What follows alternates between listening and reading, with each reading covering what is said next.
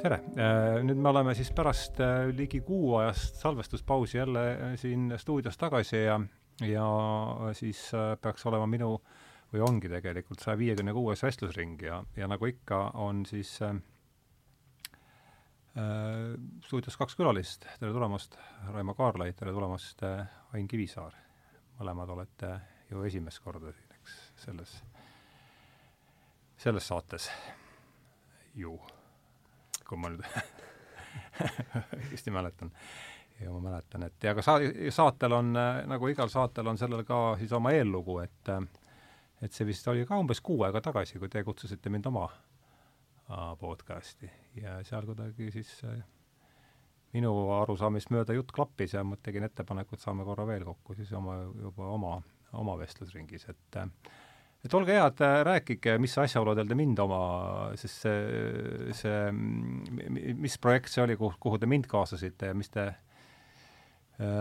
mis te siis, tutvustage ennast paari sõnaga alustuseks, hakkame Raimost pihta, tere ka minu poolt, minu nimi on Raimo ja meid viis kokku siis see, et, et ma õpin EBS-is EMBA programmis, ehk see on Executive MBA ja siis äh, tegime seal sellises aines nagu eneseväljendusoskused juhtimises. kes seda üldse teeb, kas seda äh, seda annab meil Margit Raid. ja oli meil siis selline kodutöö oli, et teha üks podcast. see oli teie esimene vist või? see oli meie esimene jah, ja, ja, ja ülesanne oli siis teha podcast äh, mõju omava isikuga me valisime siis Hardo selleks Aha. mõjuvaks Juba. isikuks. peaks ennast ajama puhevile natukene jaa, ahah, et siis eneseväljenduskursus ja, ja nagu tuligi jutuks, jutust juba välja, et on siis, olete mõlemad EBS-i EMBA, EMBA tudengid ja, ja ma paningi saatele töö pealkirjaks äh, äriharidus äh, tõejärgsel ajastul, äh, noh, lihtsalt, et meie ajal ja et äri, saade on mingis mõttes äriharidusest äh, laiemalt ja, ja noh, üks, üks viis seda praegust aega iseloomustada on siis et see on tõejärgne ajastu, et see on see siis äh, töö pealkiri, mis tast pärast saab, eks siis näis, aga et äh, nii et äh, EMBA programm siis EBS-is ja, ja mingis mõttes on see saade ka väike niisugune kummardus sellele majale, kus me siin oleme saanud oma seda sarja teha ja muidki huvitavaid asju, nii et äh, et äh, räägime siis täna äriharidusest, olukorrast õues ja, ja, ja siis ilmselt ka me ei saa Estonian Business Schoolist äh, siin ei ole, ei ole tahtmist äh, mööda minna, et äh, mm, võib-olla EMBA programmist äh, nii palju, et mm. et tegemist ei ole nii-öelda tavapärase magistrikraadiga mm, -hmm. vaid pigem ikkagi täiendõppega mm, -hmm. kuhu äh, üliõpilased ei saabu otse bakalaureuse pingist, vaid, vaid pigem eeldatakse niisugust noh, olulist äh, juhtimiskogemust mm, -hmm. et äh, ehk äh, ka meie kursus koosneb valdavalt kesk- ja tippastme juhtidest mm, -hmm. kes on seda tööd siis teinud kümme pluss aastat mhm. pigem mm. -hmm. jah, ma kirjutasin sinna väiksesse sissejuhatusse ka, et, et magistriõpe, aga et ma ei osanud ka seda EMBA-t kuidagi te, te, teekski selle jah, sa juba andsid natukene väikse vihje sinna suudes, et mis see, see on executive MBA, eks, on see ja see on äh, no ütleme, et kuidas ma, nad, kuidas nad ise nagu siis seda kirjeldavad ja, ja on, on siis see, et, et, et see võiks olla siis selline äh, ju, juhi, ütleme, ettevõtte äh, ja juhi selline kiirendi mm, -hmm. et, et siis nii-öelda paralleelselt juhi, juhi arendamine ja, ja siis ka selle ettevõttega, millega see juht on seos, et samal ajal siis kõike seda, mida õpitakse, saab nii-öelda praktikasse väga praktilise suunitlusega. väga, väga praktilise mm. -hmm. aga no see M seal selles akronüümis ikkagi viitab magistrile, eks? Master on ju, või? jah ja. -hmm. mis see nojah, see omavahelise asja, omavahelises asjaajamises ongi ikka EMBA see lühend, mida kasutatakse, eks, et see vist maa, maakeelde ei tõlgitagi seda asja või? nii ta on olnud, jah. nii on olnud, jah. ja EBS-is äh, sellel aastal siis meie lend on juba järjekorras kaheksateistkümnes. aa, kaheksateistkümnes juba, jah? Äh, jah, seal on päris pikk ajalugu juba tänaseks. seal on pikk ajalugu, jah. ja, ja mulle jäi mulje, et te olete rõõmsa, rõõmsad ja rahul selle oma, oma programmiga, vähemasti sellest üürikesest kokkupuutest, mis meil siin, see võis ju mingi kuu aega tagasi olla umbes või? Jaa, jaa, umbes midagi sellist oli, eks, jah et minul on küll, igatahes on nagu ületanud äh, ootusi. tõsi ka, see on küll hea. ja et võib-olla nagu, et, et mis, mis ta siis nagu, nagu andnud on, on see, et, et et nagu siis nagu mitme nurga alt, et, et me hästi palju nii-öelda nagu äh, analüüsime, räägime sellest, mis nii-öelda maailmas toimub mm -hmm. üleüldiselt, et äh, makroökonoomika ja ja selline äge aine näiteks nagu sissejuhatus kaasaegse ühiskonna teooriasse mm, -hmm. mida annab äh, Marju Lauristin. ja aga ta on ikka, teeb edasi siin ja ma tean, et jaa, jaa, et, et kui, kui temast rääkida, siis see on üks, üks, üks nagu värvikamaid õppejõude ja aineid, et et see oli sissejuhatus äh, nüüd kaasaegsesse ühiskonnateooriasse või? jah, jah mm. -hmm. et, äh, et Marju, Marju on juba kaheksakümne kahe aastane mm -hmm. Ja oma vanuse juures väga, väga terav. et selline seik, seik vahele, et, et üks õhtu peale loenguid ma viisin ta autoga bussijaama Tartu mm -hmm. bussi peale. ja, ja siis autos küsis, et et kuule, et aa, et, et sinu nimi oli see Raimo, et see kodutöö, mis sa nagu kirjutasid, et vaata need mõtted, mis sul seal olid mm. -hmm.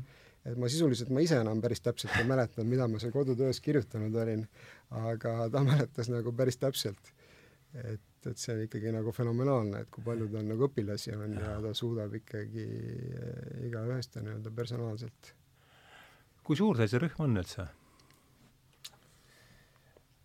me alustasime, meid oli natuke alla kahekümne, millest tänaseks on siis paar tükki ära pudenenud. ma usun, et kas kuusteist, seitseteist on meid täna. Mhm, kahekümne alla, jah mm. -hmm. ja rääkige veel, mis te, sissejuhatuseks veel, et mis te siis, mis, mis teil see töötaust on, et et mis firmadest tulete? et et, mina olen ettevõtja taustaga mm, -hmm. et minu selline kirg on äh, uute ettevõtete ülesehitamine mm. -hmm. ja et, äh, et ongi, et siin viimane, viimane suurem, suurem projekt on olnud seotud äh, puu- ja köögivilja impordi ja hulgimüügiga mm. -hmm. Ain? jaa, minu taust on äh, väga üheselt seotud olnud kinnisvaraga tänaseks juba rohkem kui kakskümmend aastat. jah, jah. ja olen äh,, ei ole väga palju nii-öelda erinevaid ettevõtteid ja erinevaid äh, partnereid katsetanud, et selle kahekümne aasta sisse mahub põhimõtteliselt äh, kaks erinevat äh, kinnisvaragruppi, et, et üks kümmekond aastat ühega ja siis kus sa kõigepealt olid? Uusmaa kinnisvaragrupiga. olid Uusmaas, jah? jaa Uusmaaga me algul olin seotud seal kinnisvarabürooga ja, ja hiljem Uusmaa ja LHV lõid ühe kinnisvarafondi mm, -hmm. mida me siis koos majandasime. Ja, ja peale seda liitusin Metrokapitaliga, kus, kus tänaseks juba lähes, lähes viisteist aastat on, on toimetamist olnud viisteist aastat on? ja, ja Metrokapital on siis äh, puhtalt kinnisvarainvesteeringute ja kinnisvaraarendusele keskendunud täna kas mul on õigesti meeles, et sa hakkasid seal analüütikuna pihta seal kinnisvara või on, on jaa, ei õige, et äh, ma tegin natukene maakleritööd ka algul ja aga siis suhteliselt kohe hakkasin kinnisvara analüüsi kirjutama ja ja, ja kinnisvara hindamisega tegelema. ja sinuga ma, ma, ma mäletan ju õigesti, et me saime kusagil siin aastat tuhande või selle saja, aastatuhande alguses kokku järsku või, oli see statistikakursus meil siin jaa, ma käisin kaks tuhat neli-viis EBS-i ah, magistriprogrammis mm. -hmm. Ja, ja. et, et siis, siis me ka sinuga kohtusime kindlasti, jah. ja, ja see oli statistika, ma mäletan. mingi midagi niisugust, jah. jällegi peab tunnistama, et õppejõul on parem mälu kui õpilasel ja meie kohtusime kuskil kakskümmend aastat tagasi, võib-olla isegi rohkemgi, oli makroökonoomika. kas tõsi, kas sa oled siin või tõsi ka, vaata, mis on kõike jaa, makroökonoomika. aa, makroökonoomika olukord õues käis siin läbi, et ja makroökonoomika ka, et äh, see oleks kohe üks hea niidiots äh, kohe, mida hakata sikutama, et äh, see, see, see, kas see aine on juba olnud või? jaa, see on, see on väga, väga hea niidi ots, et et meil siis äh, makroökonoomikat äh, just lõppes meil, äh, andis Meelis Kitsing, et ka EBS-i, ta on siis EBS-i rektor ja mm, -hmm. ja poliitökonoomika professor ja mis minu jaoks nagu ütleme, selline üks huvitavamaid avastusi oli, olid globaalsed megatrendid mm. -hmm. et noh, me oleme kõik sellest natuke midagi nagu kuulnud, aga, aga läksime nagu päris nagu süvitsi ja analüüsisime neid.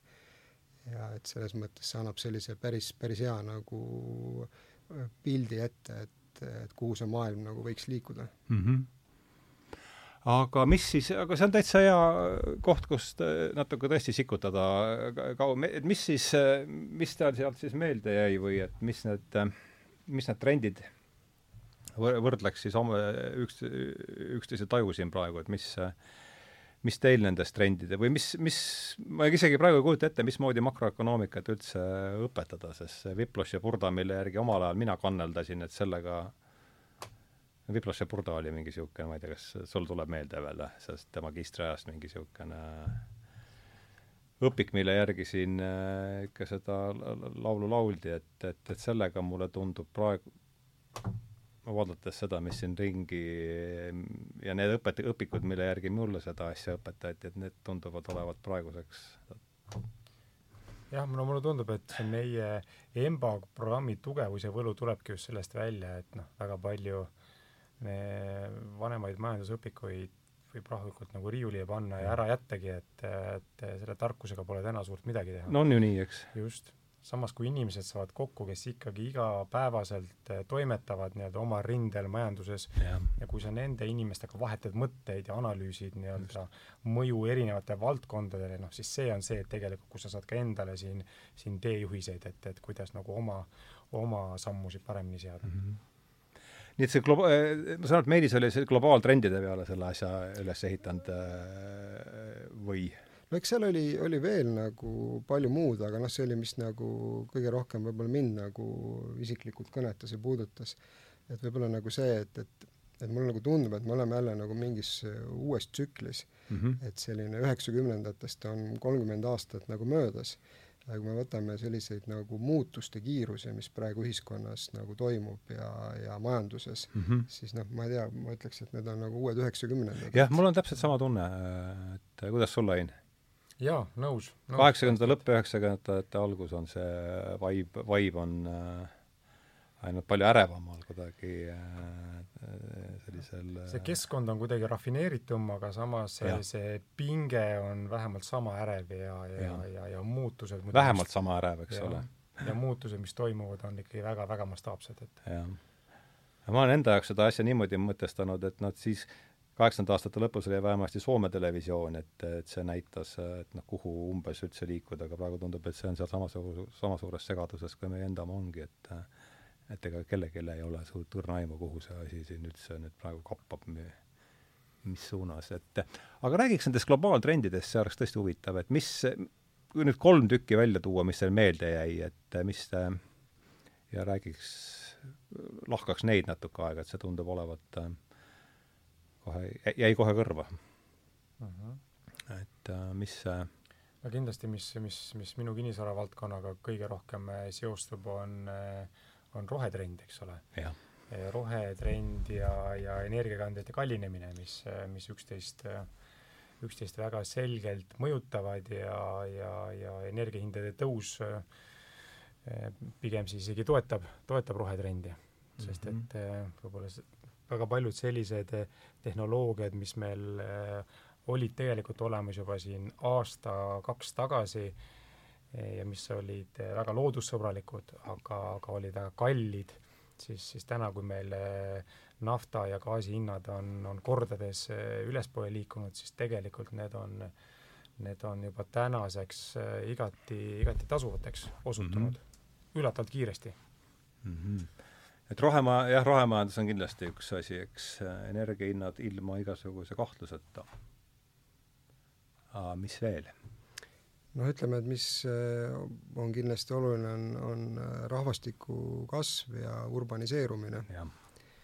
mis kindlasti seda meie elu, elu nii-öelda muudab ja eriti kolmandas maailmas, eks ole. ja, ja noh, kui rääkida kolmandast maailmast, siis kindlasti sissetulekute erinevuse ja ebavõrdsuse kasv. Et küll nii-öelda elatustase üleüldiselt maailmas pidevalt nii-öelda nagu paraneb, aga aga ka see ebavõrdsus kasvab. et see on selline niisugune nagu pot-, potentsiaalne äh, uute, uute, uute nagu äh, äh, muut-, muutustest niimoodi allikas ja mida, mida ka ütleme, et kas neid megatrende nagu äh, väga palju nagu erinevalt äh, neid kategoriseeritakse, et aga noh, näiteks sama, sama üks, üks megatrend võiks olla, et äh, avalik arvamus kui revolutsiooniline jõud. ahah. et avalik arvamus kui revolutsiooniline jõud. räägi sellest lähemalt, palun, see tuli sealt äh, kuidagi kursuselt äh, niimoodi jäi kõrva või? noh, see jah, üks, üks, üks, üks võimalikest nagu mega, megatrendidest mm, -hmm. et, et see ilmselt võib-olla ongi ka see, et, et kuidas see maailmas, ütleme nii-öelda see populismi, populism kasvab, kasv, et et see, kes suudab nii-öelda nagu seda avalikku arvamust endale sobivas suunas nii-öelda mõjutada, et, et see omab tohutut äh, võimu mm. -hmm. ja siia sõidab see sotsiaal, sotsiaalmeedia sisse ilmselt oma kuidagipidi ka vist või? jah. et kui sa, kui sa äh, selles meie eelmises vestluses nagu rääkisid, et, et sellest ühiskonnakorraldusest kui sellisest, et noh, mis, mis siin nagu katki on mm. -hmm. Ja sa tõid hästi hea paralleeli sellega, et, et, et see nii-öelda äh, programm on äh, programm jah, operatsioonisüsteem. operatsioonisüsteem äh, enam, enam no nii mulle tundub, jah. jah, et siis, et siis sellega ka nagu ütleme, et tuli selline päris, päris hea nagu paralleel, et et, et see käis nagu kahest ainest käis läbi, käis sellest samast Lauristini sissejuhatus kaasaegse ühiskonnateooriasse ja sellest rääkis ka veel juhtimispsühholoogias Aleksander Pulver. Aa, Pulver käis ka siin, jah? ja, et pidas väga hea loengu meil siin üks seltsis ka Suurest Viisikust, jah. Ja, ja mõlem-, mõlemad nad siis eh, viitasid äh, Hollandi sotsiaalpsühholoogile Geert Hofstedile, kes siis uuris, uuris kultuuri ja siis tema, tema lause on selline, et, et kultuur on kollektiivne teadvuse programm mis eri, -hmm. eristab ühte inimrühma või kategooriat teistest. kollektiivne teadvuse programm mm. -hmm. Et kui nüüd äh, tulla tagasi nii-öelda nende, nende megatrendide juurde, siis, siis eks äh, maailmas on nii-öelda nagu erinevad äh, jõud, kes siis üritavad seda kollektiivset teadvuse programmi endale sobivas suunas nii-öelda mõjutada või, või ümber kirjutada, eks ju mm. -hmm ja, ja see on kindlasti, kindlasti see, millega, millega me kõik siin tulevikus kokku puutume. eks need, eh, eks neid mõjureid ja mõjutada soovijaid on alati palju olnud, aga, aga tänaseks neil on nii-öelda uued relvad, eh, millega, millega seda teha, kindlasti noh, sotsiaalmeedia, nagu sa ise ütlesid, ja ja, ja, ja kogu see paremäärmusluse tõus ja nii-öelda see, kuidas ma ütleks, niisugused nagu nii-öelda varasemast ikkagi äh, räigemad äh, ja radikaalsemad nii-öelda seisukohad, millega, millega siis poolehoidjaid võita. jah. Üleüldise, kuidagi haakub ikka selle üleüldise ärevuse, ärevuse tõusuga, mulle tundub, eks. jaa, absoluutselt. ja, ja no, jah, palun. ja et see Hofstede veel ütlebki, mis, mis ta siis nagu mõtleb selle all, on see, et, et et kultuuride erinevus ilmneb hoiakutes, sümbolites rituaalides ja väärtustes mm. -hmm. ja et see võib-olla nagu ongi see, mis, et kui mõtleme ka selle Huntingtoni eh, tsivilisatsioonide kokkupõrke peale mm. -hmm. see oli omal ajal väga mo moes lugu ja, ja, ja praegu tundub ka olevat üsna aktuaalne. et tund-, tundub jah, et, et nüüd öelda erinev, erinevad need kollektiivselt kultuuriprogrammid hakkavad, hakkavad ja. põrkuma ja, ja ja, ja sotsiaalmeedia ja digi, digimeedia on tõenäoliselt siis see uus nii-öelda lahingutander mm -hmm, nende, nende programmide vahel, see annab sinna hagu juurde veel, eks. No inflatsioon tundub olevat nüüd meil äh, üks, äh, üks, no see haakub küll äh, natukene otseselt seotud ka energiahindadega, aga, aga üldine selline hinna, hinnataseme tõus ja eilegi siin oli juttu, et sellised sõnad nagu kvoodid ja, ja, ja, ja kaupade noh, vist viitab sinna talongi, talongi, mingis mõttes talongimajanduse poole, et, et kõik nende varustuskanalite, ühesõnaga kõik, kõik see, kõik see, mis see koroona siin on, või pigem koroonale reageerimine on korda saatnud, et, et need mm, pigem tundub, et, et jällegi sinna back to eighties ja nineties, et, et mm, -hmm. et sul võib ju raha olla, aga, aga täna on suhted need, mis, mis on abiks, et mm, -hmm. et noh, piisavalt räägitud sellest, et mm -hmm. et kui sa tahad täna kas uut autot osta, siis, siis, siis järjekorrad on nagu väga paljudel mudelitel siin aasta ja rohkemgi mm. -hmm. ja, ja mida ma oma valdkonnas kinnisvaras praegu näen, on, on mööbli tellimine.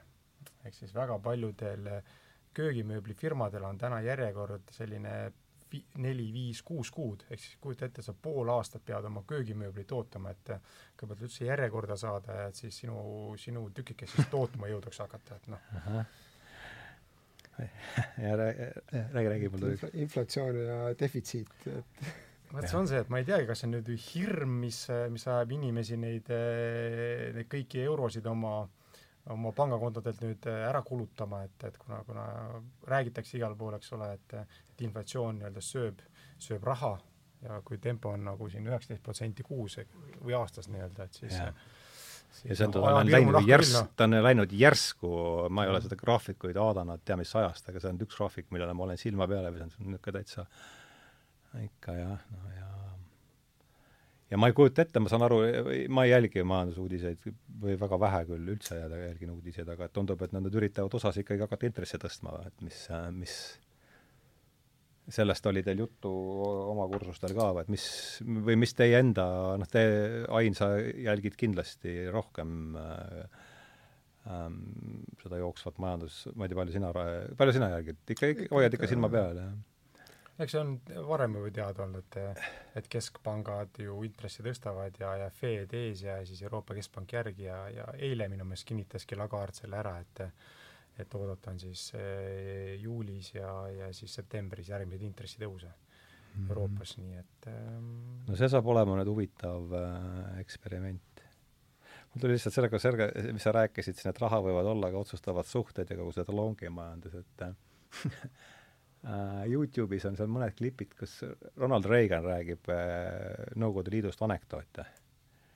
ja seal üks, mis mul tuli meelde, kui Ain rääkis seda, et köögimööblit, et äh, et mingist, mingi venike saab siis lõpuks, saab kätte oma kaua igatsetud autoostuloa, kuhu noh, tundub ka see asi liikuvat ja ja siis ütleb jah, et nii, et kümne aasta pärast võite tulla oma auto järele saab templi alla siis ta küsib, et kas hommikul või õhtul. siis hakkab, mis kuradi vahet sa näed hommikul või õhtul, et hommikul tuleb torumees et no aga noh, jällegi arvestades seda, mis siin on kaks aastat toimunud, et noh, see on selge, selge see, et sellel peavad olema ju tagajärjed ja noh, need tundub olevat, on nüüd ikkagi käes. et ja noh, eks see kahe viimase aasta lugu, ega see ka tühjalt kohalt ei tulnud, et et ja oota, ma segasin vist vahele sulle, sa hakkasid rääkima midagi um, kuule, vist juba, juba läks, läks, läks, läks mõtteni, aga võime sealt, sealt jätkata nende, nende mega, megatrendide juurest. see avalik arvamus kui revolutsiooniline jõud, et äh, ma olen siin ise ka oma, oma kirjutist mitu korda tsiteerinud ja viimastel kordadel ka. ja see on võib-olla üks teine teema, mida, või jälle üks niidiots, mida võiks sikutada, eks. Hugo Stinnes oli üks Weimari vabariigi aegne ta oli tööstusjuht ja, ja ütles, et selles olukorras on kaks võimalust, et revolutsioon või inflatsioon ja tema eelistab, eelistab esimest, et äh, võib-olla arutaks selle, selle tsitaadi üle natukene, et kuidas, kuidas teile tundub selle asjakohasus praegusel, äh, praegusel hetkel, just kuivõrd see avalik arvamus kui revolutsiooniline jõud käis läbi, et ja kogu see ärevus ja sina mainisid siin paremäärmuslast ja, ja noh, siin ei saa enam aru, kes, kes mis servas on ja mida need vasak ja paremgi siin üldse praegu tähendavad enam, et et kuidas te seda mängu loete? et huvitav lihtsalt teie taju võrrelda enda omaga. nojah, et räägitakse ju ka, et, et, et Prantsuse revolutsioon äh, lahendas ka inflatsiooni, et mm -hmm. et, et ma saan aru, et see gillo-, giljotiin oli see, mis, mis äh, oli seal see lahendus, aga no see oli lihtsalt üks maksude kogumise, see oli lihtsalt üks konfiskeerimisorgia, mis, äh, mille, mille siis giljotiin oli selle üks noh, nii, nii kuidas mina sellest aru saan giljotiin oli see konfiskeerimis-, maksukogumisviisi üks selline instrument, küllaltki veenev. aga see et, et jah, et, et kui, kui ütleme, selline äh, ikkagi rahva, rahva nagu rahulolematus äh, läheb, läheb väga suureks, eks ju, et siis me oleme nagu nii-öelda näinud äh, neid revolutsioone ja süsteemide kokkuvarimisi, varisemisi, et, et ega seal üldjuhul midagi, midagi head sealt nagu tulnud ei ole, eks ju. ei ole, jah. aga no lühikeses perspektiivis mulle tundub, et äh, praegu Ukraina sõda on ikkagi neid äh, igasuguseid revolutsioonilisi ideid äh, summutamas päris kõvasti, et et isegi siin poliitilised oponendid on siin kraade kõvasti maha keeranud, et et ei ole nagu kuidagi see aeg ja, ja sobilik nagu omavahel kraagelda, kui, kui siin suhteliselt äh, lähinaabrus käib nagu sõda, eks ole, kes ta kindlasti on praegu tugevdanud nende ametis olevate valitsuste legitiimsust ja, ja ja aga jah, kaua see jällegi siin praegu kestab, see on jälle omaette küsimus. see on teine asi ja see inflatsioon on kindlasti pikemaajalise mõjuga. sest kui raha kukub, siis tõenäoliselt, noh siis kaob see, siis kaob selle, et noh, nüüd ma arvan, et see on see nüüd järgmine asi, mis siin tõenäoliselt äh... jaa, aga ütleme nii, et noh, et võib-olla kui, kui meie nagu otseselt ei, ei tu-, tunneta neid revolutsioonilisi jõudusi ja võib-olla ka ei oma siin nii-öelda nagu väga, väga reaalset ohtu asi, eks ju, aga kui me mõtleme nüüd sellele, et, et mis Ukraina sõja tulemusena on äh, vilja hind äh, maailmaturul teinud mm, ja, ja arvestame seda, et, et kui Mustal mandril, et kui suur osa ikkagi inimeste sissetulekust läheb äh, toidule, et siis ma arvan, et seal, seal võivad küll need revolutsioonilised jõud nii-öelda valla, valla pääseda. Nojah, ja paar tuhat inimest äh, Kalašnikovidega võivad lükata liikvele, eks ole, sajad tuhanded, äh, sajad tuhanded inimesed, nii et see rändekriis on küll üks äh, tõenäolisi no, ütleme järgmistest sellistest äh, halbade uudis, uudiste kandidaatidest tõenäoliselt üks, üks äh, tõsiseltvõetav, töötavad, mis sa, või mis sa, Ain, arvad? jah äh,, noh, raske hinnata, et äh, et äh, pilt, mis seal Ukrainas toimub, on ikkagi suhteliselt hägune, et äh, näidatakse näidatakse kaadreid, kus, kus ikkagi viljade, nii-öelda salvedes vilja on, ei saa hetkel lihtsalt välja vedada mm, -hmm. näidatakse kaadreid, kus, kus ikkagi põllumehed külvavad vilja ka, ka, ka selleks aastaks ja, ja loodavad sügisel saaki. noh, ja teiselt poolt muidugi on oht, et, et, et kui sõjategevus ikkagi uuesti intensiivistub, siis, siis kas ka kui juba need maha pandud terad, eks ei ole, ei saagi üles võetud või ei ole masinaid sellega, selle jaoks ja või kütust või noh, või kütust ja, ja, ja muidugi jah, et, et mis, mis, mis Venemaal endal nagu hakkab toimuma, et mm. et Ukraina ja Venemaa on mõlemad ikkagi väga olulised nii-öelda ressursiallikad ju maailma, maailma toidulauale, nii et jah, aga see on tõesti väga raske isegi aimata, kus see järgmisena võib rogiseda, et Venemaa on hea kandidaat muidugi, aga ega USA ei ole ise ka suur, on sealsed pinged, noh, jällegi ei taju ju seda asja ja ja no mis, mina, ma ei tea, kuidas teil on, aga, aga noh, praegu minul on küll kohati tunne, et me elame käinud mingite kuulujuttude, me elame käinud kuulujuttude keskel, et no üks kuulujutt tuleb äh, telekast äh,, teine netist ja, ja võta, võta see kinni, kella, keda, keda siin üldse usaldada praegu, on see, minu meelest on see kõige suurem kõige suurem küsimus üldse. või mis, kuidas, kuidas, või kuidas teie, kus teie oma infot see, see on tegelikult väga oluline küsimus, et kus mis, milliste allikate alusel me üldse oma maailmapilti praegu kujundame, et ma olen siin ise mõelnud, et noh, kuidagi ma olen ennast sellega lepitanud, et siin ka ikka vaatan ringi ja mõtled, et ohoo, et et kuidas siis nüüd niimoodi, aga et siis jällegi, et noh, nad, need inimesed elavad täiesti teistsuguses informatsiooniruumis ja, ja, ja no nii ongi, et et kuidas teie ennast selles, selles olukorras niimoodi või kuidas teie selles olukorras navigeerite, selles no mingis mõttes ongi tõe, tõejärgne ajast, et vanasti ju lajatati Vremjaga ja, ja alguses AK-ga ja siis Vremjaga ja, ja kuni järgmise saateni oli pilt selge. kõik võtsid seda küll väikse sellise, aga nüüd, et, et selles tohutus detsentraliseeritud meedia olukorras, kuidas teie üldse oma need infokillod kokku panete, see on huvitav teada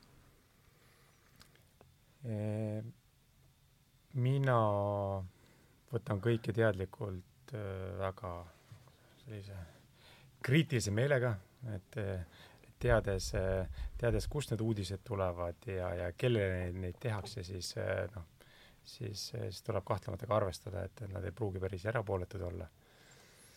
noh, arusaadavalt, et nii palju, kui meil infot tuleb äh, Venemaalt ja, ja, ja millist propagandat sealt tehakse,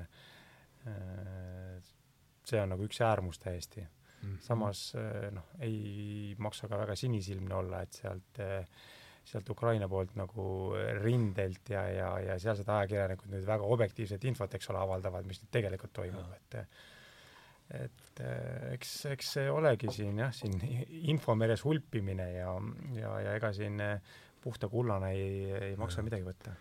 infomeres hulpimine on jah, väga sama, kuidas sul? Ja ma, ma arvan veel, et ma arvan, et, et ega siin ei olegi suurt vahet, et et, et seda, kui sa, kas sa jälgid siin eh, Ameerika väljaandeid või, või, või Inglise oma või, või, või, või Euroopa või siis, või kodumaiseid Eesti omasid, et noh, see sihtgrupp on ikkagi suhteliselt nagu sama ja ja võib-olla kohati on allikad paremad, aga aga, aga ega sealt ju kardinaalset erinevust ei ole.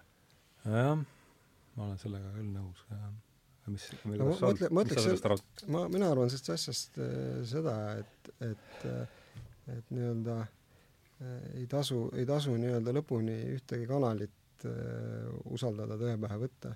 aga mida nagu tasub arendada ja usaldada, on oma terve mõistus ja loogika. et see on see, et, et millega siis nii-öelda nendest erinevatest infokildudest ja allikatest see oma pilt äh, kokku panna mm. -hmm. et mulle, mulle meeldib see äh, Terence McKenna ütlus, et you Aha. have to build your own goddamn boat. You have to build their own uh, boat. aa, ah, boat, jaa, jaa, jaa. aa, Terence McKenna nimi käis siit äh, läbi, jah. et, et selles mõttes on ikkagi see, et, et noh, me ei saa, me ei saa nagu äh, võtta kellegi teise maailmapilti äh, noh, et kui, kui me selle võtame üle, siis noh, see on ideoloogia, eks ju. et me peame ikkagi panema iseenda oma kokku nii hästi, kui me oskame.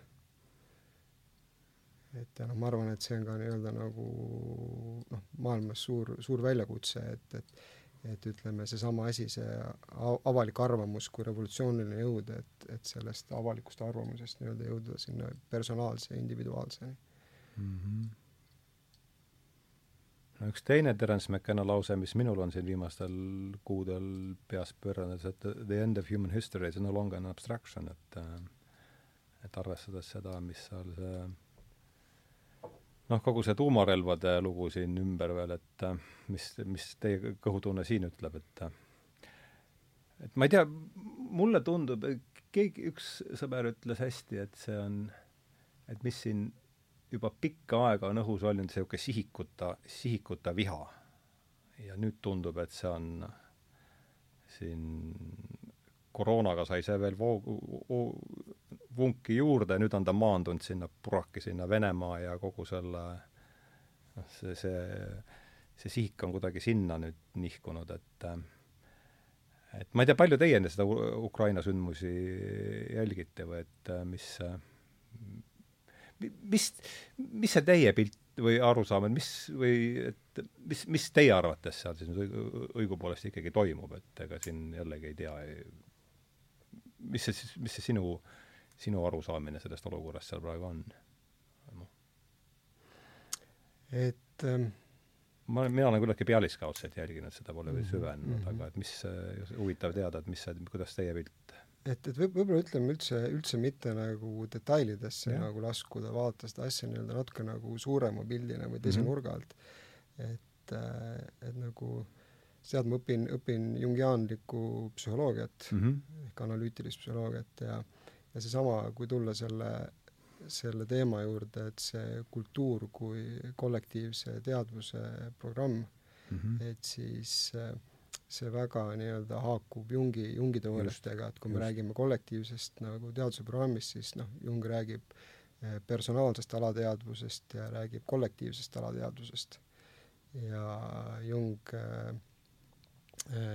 räägib arhetüüpidest mm. -hmm.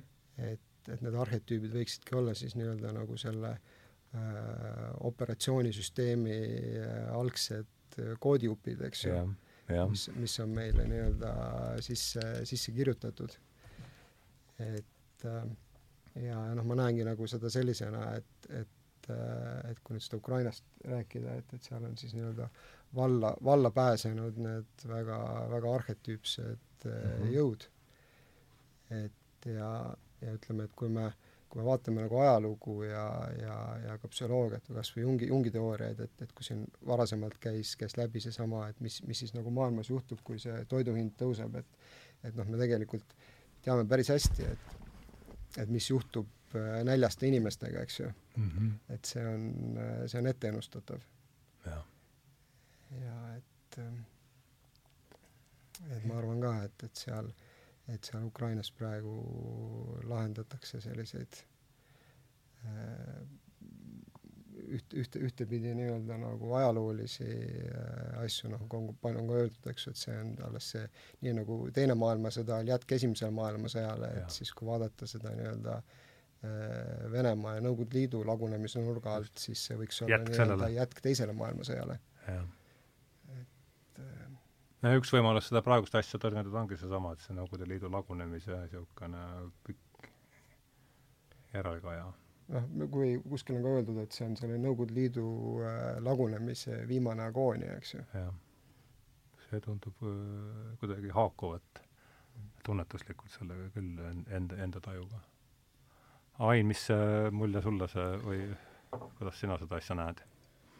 mina olin sõja esimestel nädalatel äh suhteliselt veendunud selles, et, et see on ikkagi maailma kahe suure ehk siis Ameerika ja Hiina omavaheline mõõduvõtt, kes siis tegelikult äh, leidsid nagu, nagu ah, sobivad, sobilikud osapool, osapooled, et äh, läbi kelle siis äh, seda asja ajada. noh, kas või see, et, et, et äh, loetud päevad, eks ole, peale Hiinas toimunud olümpiamängusid, millal see trall siin peale hakkas, eks ole, et jah, Pekingi taliolümpia oli, eks jah. et noh, see, et see oleks nüüd, nüüd äh, taliolümpiaga samal ajal oleks nüüd äh, Venemaa Ukraina rünnanud, noh, see oli täitsa mõeldamatu, et mm. ja, ja, ja no,, ja, ja võivad need suured äh, või noh, peamiselt siis Hiina, Hiina, Hiina ja Venemaa eitada seda nii palju kui tahad, aga aga, aga see on ikka päris selge, et, et seal mingid peanoogutused ja, ja kas või äh, kas või eh, sõnadeta tehtud kokkulepped mm -hmm. selgelt, eh, selgelt pädesid. aga vaadates nüüd viimased kolm kuud, kuidas, kuidas Hiina tegelikult istub nagu noh, piltlikult öeldes muttturus, siis siis, siis mulle tundub, et, et Hiina ikkagi, Hiina roll ei, ei olnud selles, selles loos ikkagi väga suur. et pigem, pigem ikkagi see mm, initsiaator initsiaator selgelt on, on Venemaa ja, ja Putin olnud, et äh, ma lihtsalt ei näe nagu muid variante ja kuigi, kuigi Hiina sellest, sellest sõjaloost võidab väga palju, mida rohkem Venemaa ennast nõrgendab mm, -hmm. nii sõjaliselt, nii majanduslikult, noh, seda, seda kergem saak, eks ole, Hiinal on ja ja kuna, kuna Venemaa on ennast tänaseks siis nii-öelda äh, lahti sidunud või, või, või ta on lahti seotud kogu, kogu lääne nii-öelda ühiskonnast, meediast, eh, majandusest ka juba. või mis selle tagajärjed on, eks ole. jah, et no ega seal muid, muid suundusid peale, peale idasse suundumisi nagu ei olegi, ei saagi olla, nii et et see on kindlasti Hiinale väga meelepärane. ega te ei ole, millal te üldse Vene, olete te Vene, millal te Venemaal käisite viimati üldse? ma käisin eh, vahetult enne Covidit Peterburis. ah soo. See oli, oligi kaks tuhat kakskümmend alguses siis või? ja mis, kuidas siis, kuidas oli vibe? on meeles ka midagi? Vaib oli tore, käisime, käisime ooperis ja ööbisime seal Jaani kirikus ja Aha. ja et selles mõttes ei, ei saanud veel siis nagu millestki, millestki aru. aga, aga kui rääkida veel sellest EBS-ist ja, ja sellest etteennustamisest, et siis meil käis äh, Marko Mihkelson mm, -hmm. käis rääkimas äh, äh, mis aine raames ta meil äh, äh, rääkis? ühesõnaga, ta rääkis äh, igal juhul teema oli välispoliitika, ehk siis tema, tema igapäevane töö ja ja, ja novembris mm -hmm. rääkis äh, jah, teema oli Hiina, Hiina november, see oli siis eelmine ikka tükk, tükk aega enne seda, kui Madinaks läks. jah, tükk aega enne. ja oligi tegelikult, loeng oli Hiina, Hiina majanduspoliitikast ja tema loengu siis lõpetas sellega, et, et, et tema arvates äh, läheb, et väga tõenäoline on, et lähikuudel läheb siin madinaks nagu. siis kul-, kelle vahel? ei no seesama ikkagi nii-öelda Ukrainasse sissetung Vene poolt äh, ja ta ikka isegi rääkis, et minu arust ta rääkis nagu niisugune tähtajast, et jaanuar-veebruar on see ikkagi väga tõenäoline, et et Vene-Ukraina, jah ja.? ahah. ehk siis see oli ikka suhteliselt täpne. ja ta no. põhjendas seda siis, äh, argumenteeris kuidas, mul on meeles no ma arvan, selleks ajaks olid juba üle Euroopa levinud need Ameerika luureandmed, eks ole, mis, mis, mis kõik, mis kõik seda kinnitasid juba, et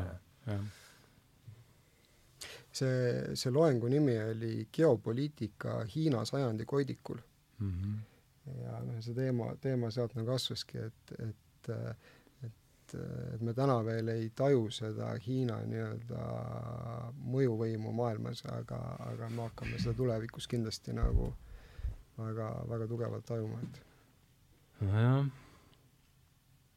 John Gray'l oli üks peaks üle lugema, hea artikkel oli, mis alg-, kus pealkiri oligi vist, et Lääs ei ole surnud, et tema ideed elavad edasi Hiinas. et kuidas ta on võtnud jah, kogu see, mis siin see industrialiseerimine, mille vana Joss viis, eks Venemaal läbi noh, kaks tuhat, tuhat üheksasada kakskümmend, tuhat üheksasada kolmkümmend suuresti, eks, et noh, see on nüüd, see te-, see tehti ära Deng Xiaopingi reformidega, sa arvasid, kaks tuhat kaks, kaks tuhat üks oli see, kui Hiina sai WTO, WTO liikmeks, eks, et see on nüüd niisugune suur, suur veelahe olnud ja et Hiina võttis üle lääne majanduspoliitika, aga mitte demokraatiat. ja kindlasti, kui oleks, oleks ka demokraatia üle võetud, siis ei oleks see areng eh, nii kiire olnud. jah, jah. no just, jah ja noh, ja kui, kui rääkida, ütleme, sellest Ukrainas toimuvast, et siin see Hiina ja Venemaa ja USA, USA käis läbi ja, ja sama see metafoor selle operatsioonisüsteemi kohta, et siis mm -hmm. noh, ma arvan, et et siin ongi nagu selline konkurents, et, et mis saab olla, olema nii-öelda tulevikus see domineeriv operatsioonisüsteem. et nii nagu siin äh, Microsoft DOS ja iOS ja ja Linux mm -hmm. siin konkureerivad, eks ju, et siis, et siis on nii-öelda nagu need kultuurilised ja ideoloogilised. Jah, see, seda ma niimoodi ma tajun ka ja et see on, käibki uue uue operatsioonisüsteemi otsing siin praegu, aga kuhu see jah, ja ka no ja, ja ega me palju me sellest Hiinaski teame, mis, mis seal need sisepinged on, eks, et äh, see nagu kaldariba elab äh, turbokapitalismis ja ja mõned sada kilomeetrit äh, sisemaale on niisugune keskaja lõpp enam-vähem, et äh, mismoodi seda, mismoodi seda asja seal koos hoitakse ja ja noh, võib-olla ongi, kui tulla nagu tagasi nüüd siia selle Äh, EMBA programmi juurde, eks ju mm -hmm., miks, miks on vaja nii-öelda nagu täiskasvanud inimestel nagu õppida, et see ongi siis see, et, et, et et kas me ise kirjutame nii-öelda oma seda operatsioonisüsteemi mm -hmm. või äh, kusagil keegi teine kirjutab seda meie operatsioonisüsteemi üle.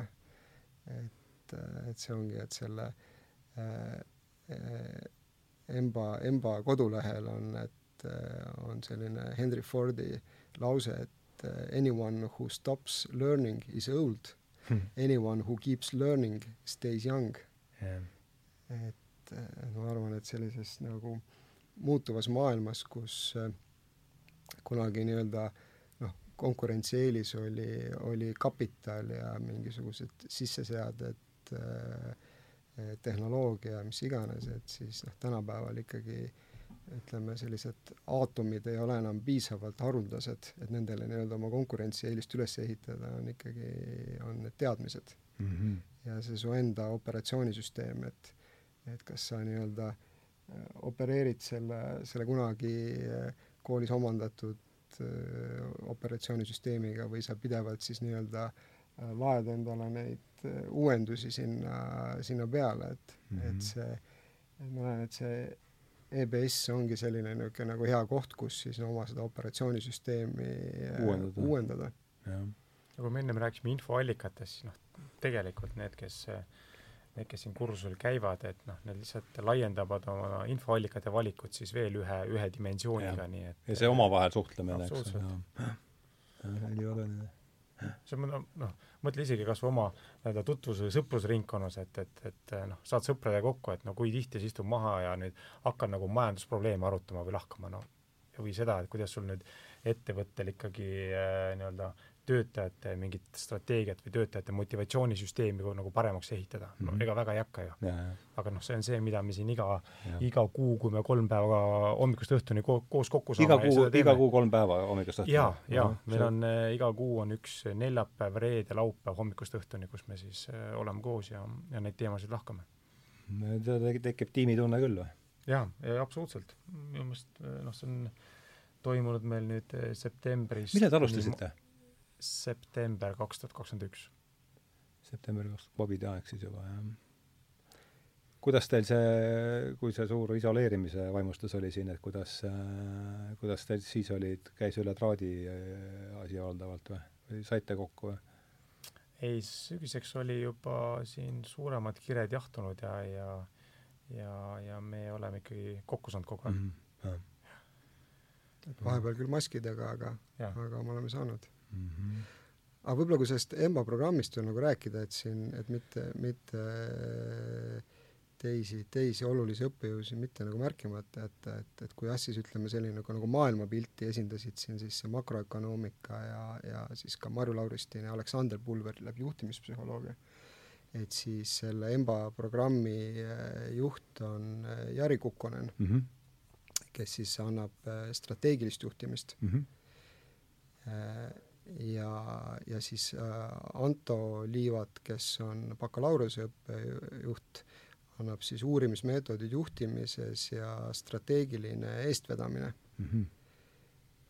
ja siis äh, Raul Paruski ja Anu Ruul on innovatsiooni juhtimine. ahah, Raul Parusk on ka kaasatud siia, jah, seda ma ei teadnud. ja, ja siis äh, Marko Rillo on äri modelleerimine ja teenuste disain mm. -hmm. ja et et, et selles mõttes, et selline noh, ka nagu väga, väga hea lähenemine, et, me tihti nagu juhtidena selline noh, kipume selliselt nagu puusalt tulistame oma nagu kõhutunde järgi nagu juhtima. et siin siis väga, väga selgelt nagu, et, et mida, mida tähendab nagu strateegiline juhtimine, mis tähendab et organisatsiooni strateegiline arendamine ja, ja ka siis, et noh, nagu öeldakse, et et, et organisatsiooni kultuur on see, mis nii-öelda sööb strateegiaid hommikusöögiks.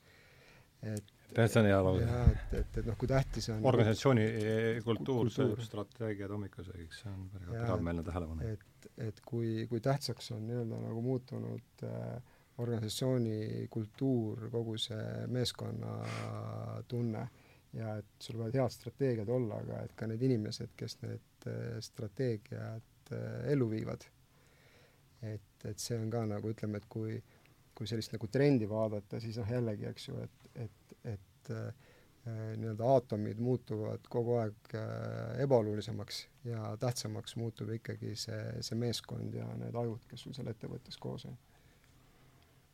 jah, organisatsiooni, jah jah, ja, ja just kuna need äh, inimesed ja need ajud on kõige tähtsamad, siis tegelikult minu meelest Äh, kursusel ma ei tea, kas kõikidele või suuremale osale, et tegelikult kõige sügavama jälje hoopis jätnud äh, executive coaching ja, ja Peep Aaviksoo, kes seda juhib, et äh, see oli ikkagi väga niisugune hea tööriist, et kes varem polnud kokku puutunud, et äh, see on äh, just, just tööriist, et kuidas, kuidas inimestega suhelda ja, ja, ja kuidas õppida inimesi lõpuks ometi kuulama mm, -hmm. mitte ainult üritada neid juhtida ja, ja ise oma arvamuse avaldada, aga see on, see, see oli, see oli väga hea. kuidas see asi oli üles ehitatud? see, see Peebu coaching'u asi? Eh, noh, minu jaoks oli see coaching üldse uus, ma tean, et, et mitmel kursuskaaslastel on see juba läbitud etapp ja kellel on ka isiklikud coach'id, kes neid eh, jooksvalt eh, vastavalt vajadusele nõustavad. Äh, mina sain enda jaoks esmakordselt teadvustasin selle, et et, et, et kui mentorlus on pigem nii-öelda sinust, sinust äh, targem ja kogenum äh, inimene, kelle käest sa võid nõu, nõu küsida, siis, siis coach on pigem äh, noh, võib ka olla sinust targem ja kogenum, aga, aga coach'il on lausa keelatud sulle nõu anda, vaid Aha. coach on pigem psü-, ütleme, eh, majandus, majandusalane või sinu, sinu, sinu juhtimisalane psühholoog, kes siis nagu pigem peegeldab sulle su enda mõtteid tagasi ja aitab siis sul enda sees korda, klaarida oma mõtted, eks jah, just täpselt. mis on, mis on väga-väga hea ja väga vajalik. on, absoluutselt. jaa ahaa, nii et korra ku-, siis nädal, kuus, kolm päeva siis ots- äh,, on päris intensiivne. ja siis on kodu, mingid kodutööd ka või? jaa, jaa äh,. no ühe, ühes olin ma isegi osaline.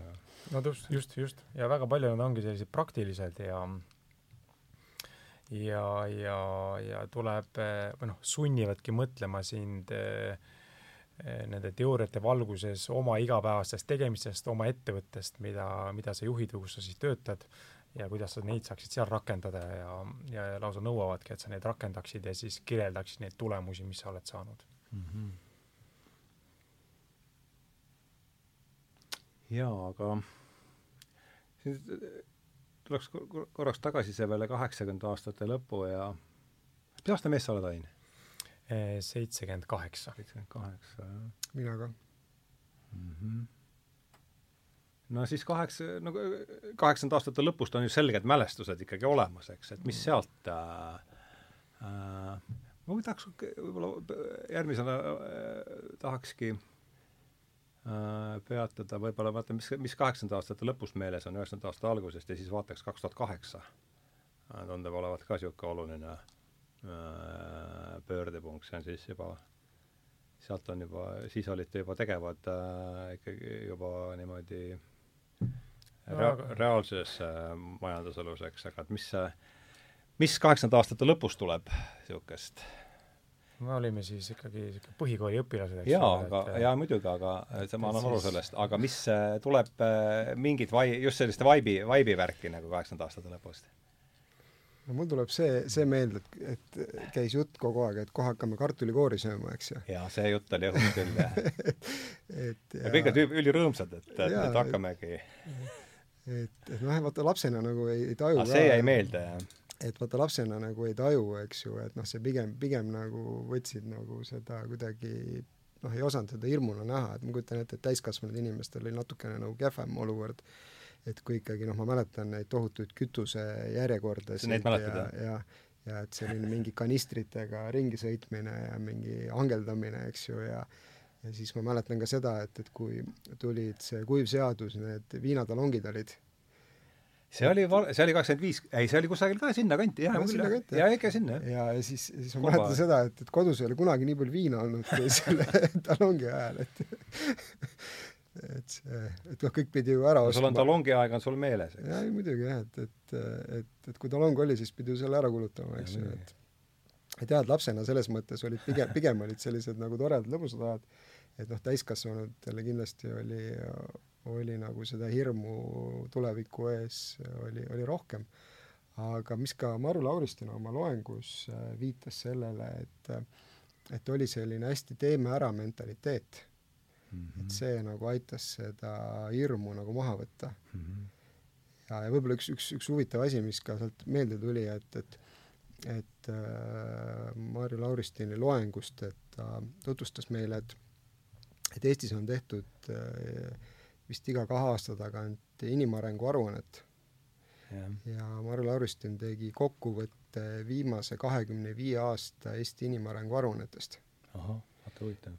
jah, ja, ja, ja see, sealt, sealt tuli nagu väga, väga huvitavalt nagu välja see, et, et, et kust me tuleme, millised on meil need probleemid olnud ja millised on nii-öelda Eesti ühiskonna tuleviku väljakutsed et kõik nii-öelda teema, teemade lõikes, et ma kujutan ette, et see võiks olla selline kohustuslik lugemine igale poliitikule, et no mis sealt meelde jäi, Ain, sulle näiteks, tuleb see, sul tuleb ka see ette jaoks?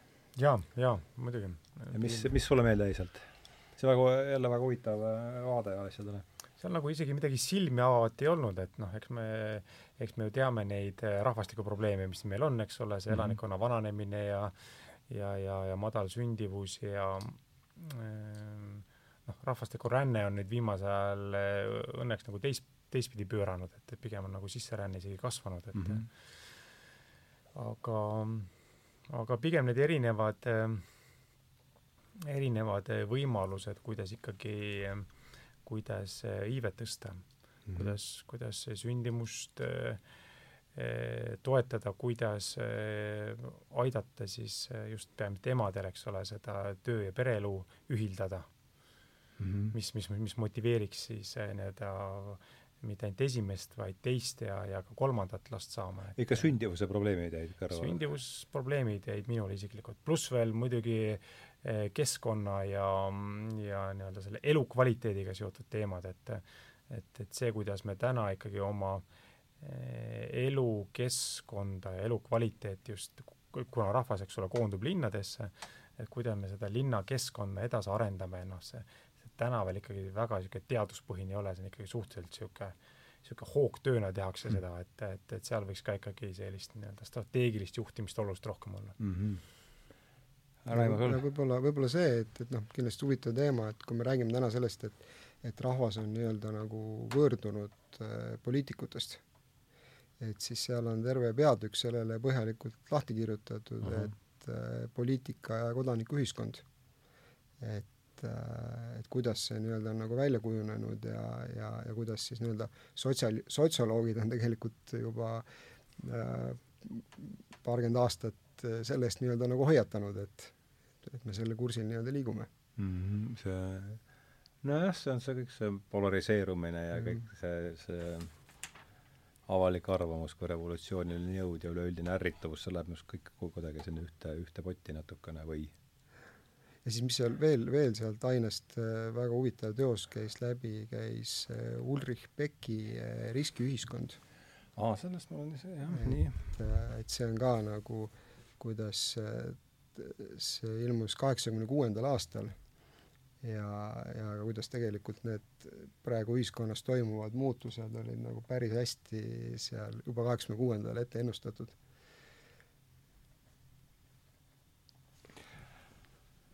no praegune üldine suur suund on ju see, et viime ikkagi riski igal pool niisugune täieliku turvalisuse taotlus ja see on, tundub olevat niimoodi kõhutunde järgi see põhjaloov trend või kuidas, haakub see selle Ulrich Becki jutuga või? noh, see on, see on, see on, ütleme, selline püüd nagu paratamatust vältida, eks ju mm. -hmm. et me loome sellist mingit turvalisuse illusiooni. ja, ja kui Ulrich Beck oma raamatus kirjutas sellest, et, et selle globaliseerumisega kaasnevad äh, riskid mm -hmm. ja et kuidas, kuidas ütleme äh,, lokaalsed kriisid kutsuvad tulevikus edasi globaalseid äh, kriise mm. -hmm. ja noh, suht, suht pea peale tema selle raamatu avaldamist oligi esim-, esimene siis näide oli Tšernobõl. aga kas tal oli nii vara, oli see raamat ja mis sa ütlesid, see, see pidi, Tšernobõl oli kaheksakümmend kuus või? Äh, oli või? kaheksakümmend kuus, üheksakümmend seitse. mina olin sõjaväes, igatahes ta pidi olema kas kaheksakümmend kuus või kaheksakümmend viis. et et see oli, oli, oli, oli, oli, oligi, ütleme seal Korba oli ametis juba siis. et, et seda, et seda nagu peetakse siis ütleme üheks, üheks, üheks selliseks nagu noh, näiteks äh, sellest äh, riskiühiskonnast, et et äh, et jah, et, et kui, kui enne olid, enne olid, ütleme, sellised äh, probleemid paljuski maailmas lokaalsed kriisid mm, -hmm. siis, siis nüüd selle globaliseerumisega muutuvad need ka need riskid realiseeruvad globaalselt. jah, no koroona on ju niisugune kõige markantsem näide vast siit, aga meil tuleks veel selle kaheksakümnendate aastate lõpu juurde, mis sul, Ain, on meeles? mäletad ka kanistri aega või? kanistritega ringi siblimist? kuidagi ikkagi on need, need noorusaja helged mälestused Aha. ikkagi, ikkagi ruulivad üle need kõikvõimalikud raskused ja need, ja need nii-öelda olmeprobleemid. kas sa oled Tallinna poiss või? ei ole. kust sa oled pärit? ma olen Kesk-Eestist Türilt. aa, Türilt, jah mm. -hmm. siis oli hea rahulik lapsepõlv seal? absoluutselt, seal oli väga rahulik ja, ja ei, õnneks minu peres ka mingeid suuri olmelisi probleeme ei olnud, nii et et selle võrra oli võib-olla, oli võib-olla lihtsam ja sai, sai, sai, sai, sai keskenduda kenasti nooruse uljustele, et mina mäletan, kui see kanistrite jutu peale läks juba üks markantsemaid lugusid, ei ole küll mu enda äh, CV, aga üks sõber rääkis, et nad käisid kütust toomas tsisternautoga, aga võtsid ikkagi, torkasid seal Venemaal selle püstoli tsisterni, noh. võtsid ühesõnaga sealt äh, noh, tankimisautomaadist läks otse ja no vist käi-, paar korda tulidki sealt tsisterniga ära, enne kui siis kolmandal korral vist nabiti seal kinni, nii et noh, niisugune mm -hmm., niisugune piiri, piirikaubanduspildike päris iseloomulik. noh, Muga ju tegutses eh, mingisugune kriminaalide gäng, kes eh, varastas eh, rongidest tsisternidest kütust ma mäletan, et see oli tohutu tegemine, et see kontrolli alla saada, no seal kusagil, kus need ja, kütuse ešelonid nii-öelda nagu ootasid seal raudteel oma järge. et, et jah, et, et kui me võtame selle üheksakümnendate noh, nagu turvalisuse, mis, mis tol ajal oli, et ja kus siin pommid, pommid lõhkesid ja inimesi tulistati, et siis me oleme küll jõudnud nagu päris päris mõnu, mõnusasse mm. turvalisse kohta. Jaa, nojah, praegu justkui jah. no justkui jah, no selle, selle kriminaalse, kriminaalse koha peal, aga meil, aga meil on nüüd nagu uued, uued, uued, uued riskid, eks. ja see oli täpselt nii noorest peast ikka, et näpud olid ju püsti ja ei saanud üldse aru, et midagi kusagil mingid pommid on või et äh, jah, aga kaks tuhat kaheksa, see on nüüd, ma võtaks, see oleks nüüd järgmine võib-olla mastaapsuselt niisugune pärast kaheksakümne kaheksandat, ma arvan, järgmine. Ongi kakskümmend aastat vahet ikka igas äh, igas põlvkonnas mingi ja see, et mis, siis te olite juba tegevad, et äh, mis, mis teil seal äh, sellest ajast esimesena meelde tuleb? no ma lihtsalt tean, et äh, sel ajal, eks ole, oli see esimene suurem börsikrahh, eks ole, ja mis, mis, nii-öelda Vene kriis. ja, ja, ja ka mina olin just oma oma, oma kinnisvarakarjääri alustamas ja, ja mingeid vahendeid siis ei olnud et, et eh, mida, mida sa räägid kaks tuhat kaheksa ikka praegu? kaks tuhat kaheksa. Mhm. kaks tuhat oi, vabandust, ma rääkisin üheksakümne kaheksast. sa räägid üheksakümne kaheksast ja Vene kriis, Vene kriis oli ka päris korralik jah, ega see üheksakümmend kaheksa oli praegu jah, see mõte, et ehm, et, et selle, see läks nagu kuidagi eriti valutult äh, mööda, et, et ma olin oma karjääri just alustanud ja, ja, ja midagi kaotada pole, eks? midagi ei olnud kaotada, nii et selles mõttes kõik läks ainult nagu paremuse suunas mm. -hmm. aga kaks tuhat kaheksa oli muidugi äh, tõsine väljakutse. kus sa olid siis? ma olin vahetult ennem liitunud äh, Metro Capitaliga. metros juba siis, jah? jah.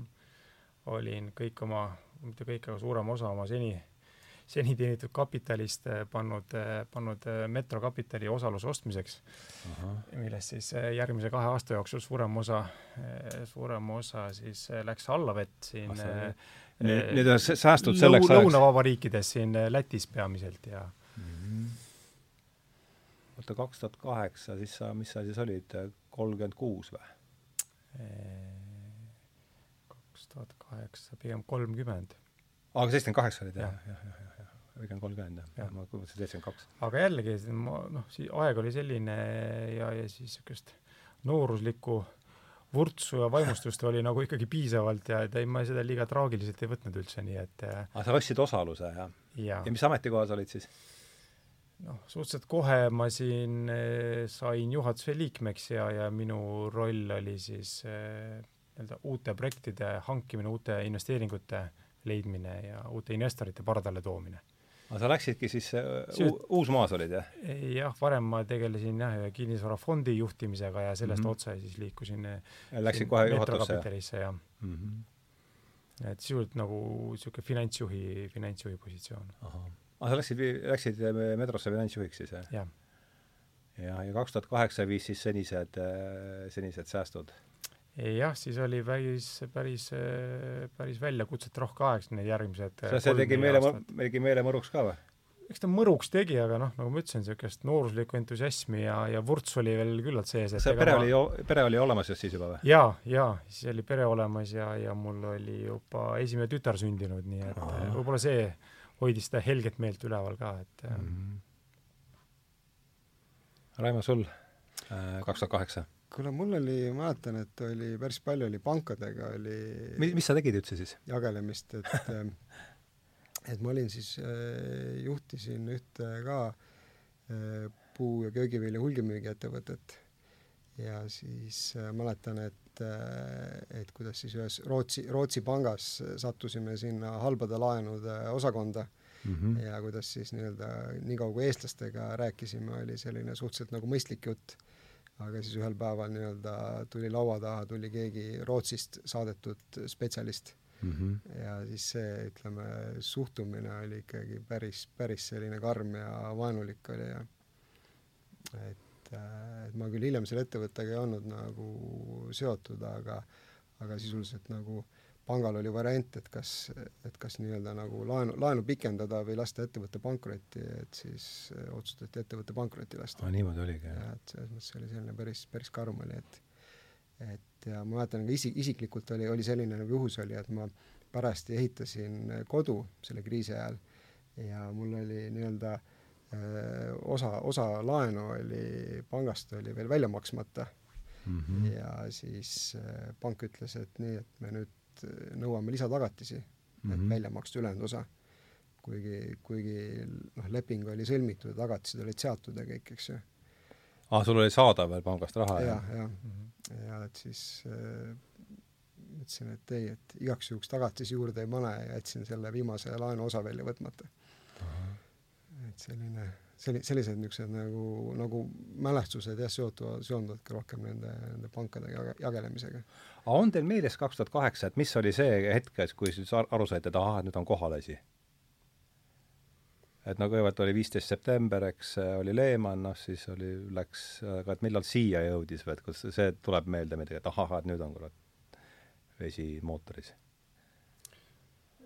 Minul, minul ei olnud selles mõttes niisugust kiiret äratundmist ja vaata, kinnisvaraturg on ka selline niisugune nagu suur naftatanker pigem, et, et kus need mõjud jõuavad ikkagi ikkagi mitu kvartalit hiljem reaalselt juhul kui nad on juba reaalmajanduses, eks ole. Mm. -hmm erinevalt aktsiaturgudest, kus aktsiaturud nagu reageerivad ette juba, siis kinnisvaraturud pigem reageerivad järgi. nii et, et minu teadmine tuli niisugune tasakesi, tasakesi järgmise kahe aasta jooksul. Aasta jõudis, jõudis kohale ja sa oled kümme, jah. aga sul? eks ta ka selles mõttes tuli niimoodi millal see jutuajamine selle rootslasega oli, oskad sa meenutada või? Äh, ma täpselt, täpselt ei mäleta, aga noh, umbes seal kuskil kriisi, kriisi keskpaigas kaks tuhat kümme? võis, võis, noh, natuke varem jah, kaks tuhat üheksa vist mm. -hmm. et, et võis, võis nagu olla. et ja siis, aga see väljatulek on, kuidas see, kuidas see teie perspektiivist vaadates äh, välja nägi? noh, seal is, isik, isiklikult selles mõttes, et, et kuna midagi väga hullu nagu ei juhtunud, eks ju, et, et siis, et ei, ei, ei, ei saagi nagu päris täpselt aru, et et millal, millal see kriis nagu läbi sai, aga noh, kui vaadata nagu inimesi ümberringi, et noh, siis mõned ei ole siiamaani välja tulnud. kaks tuhat kaheksast, jah? jah, et selles mõttes oligi nagu hästi näha, et, et et kes siis äh, kukkus jalgadele või upitas ennast uuesti nii-öelda jalule, aga noh, mõned jäid ka sinna nagu labama, eks ju. et kui mhm. vaadata kas või seda kinnisvarasektorit, et äh, et paljud, paljud ärimehed äh, ei, ei taastunudki sellest enam. Et see võib-olla on selline natuke nagu selline psühholoogilise kapitali nagu teema, eks ju, et, et et kas ma kas ma olen see, mida ma nagu oman, eks ju, või ma olen midagi nagu enamat, et kui see, mis mul on, ära võetakse, et kas ma ka peale seda midagi olen, eks ju. Ain, sul on, kuidas see, see, see taastumise teekond on sul sealt midagi, kui tundsid, et nüüd läheb jälle, läheb jälle käima? Jaa, et alates ikkagi kaks tuhat üksteist, kaksteist oli ikkagi selgelt see tunne, et nüüd läheb jälle. et asjad lähevad paremaks. Ja ma arvan, Metro Capital oligi vist enam-vähem kõige esimene ettevõte, kes, kes Tallinnas hakkas ka uusi kortereid ehitama, ma mäletan sinna Soo ja Põhja tänava, Põhja puiestee nurga peale, kus on see Rimi, et sinna taha alustasime Aha, sinna, eh, seitsme kortermajaga nagu kvartalehitust ja siis paljud veel vaatasid, oi-oi-oi poisid, et natuke liiga vara ikka veel, et aga aga julgust oli ja, ja, ja läks hästi. nii et ja, ja peale seda läks, läks, läks kõik ainult, ainult tõusvas joones. ja see oli siis veel, mis see kaks tuhat, kaks tuhat kaksteist kuskil või? see oli kaks tuhat kaksteist kuskil jah ja.. et jah, kümme aastat ta tagasi juba tänasest. ja nüüd ütleme, millal äh, kuidas, kuidas te kahe tuhande kaheksandaga võrdleksite praegust olukorda see on hetkeseisu teie äris ja niimoodi selle, selle kogemuse baasilt, mis on nüüd siin nüüd kaks tuhat kaheksast tulnud? noh, ütleme niimoodi, et, et siin äh, ka selline nagu natuke nagu selline kriisieelne nagu tunne on, et, et kriisieelne äh,, et noh, üt-, ütleme just nagu, nagu selles mõttes, et et noh, majandus täiega buumib äh,, töötajaid on ülikeeruline leida.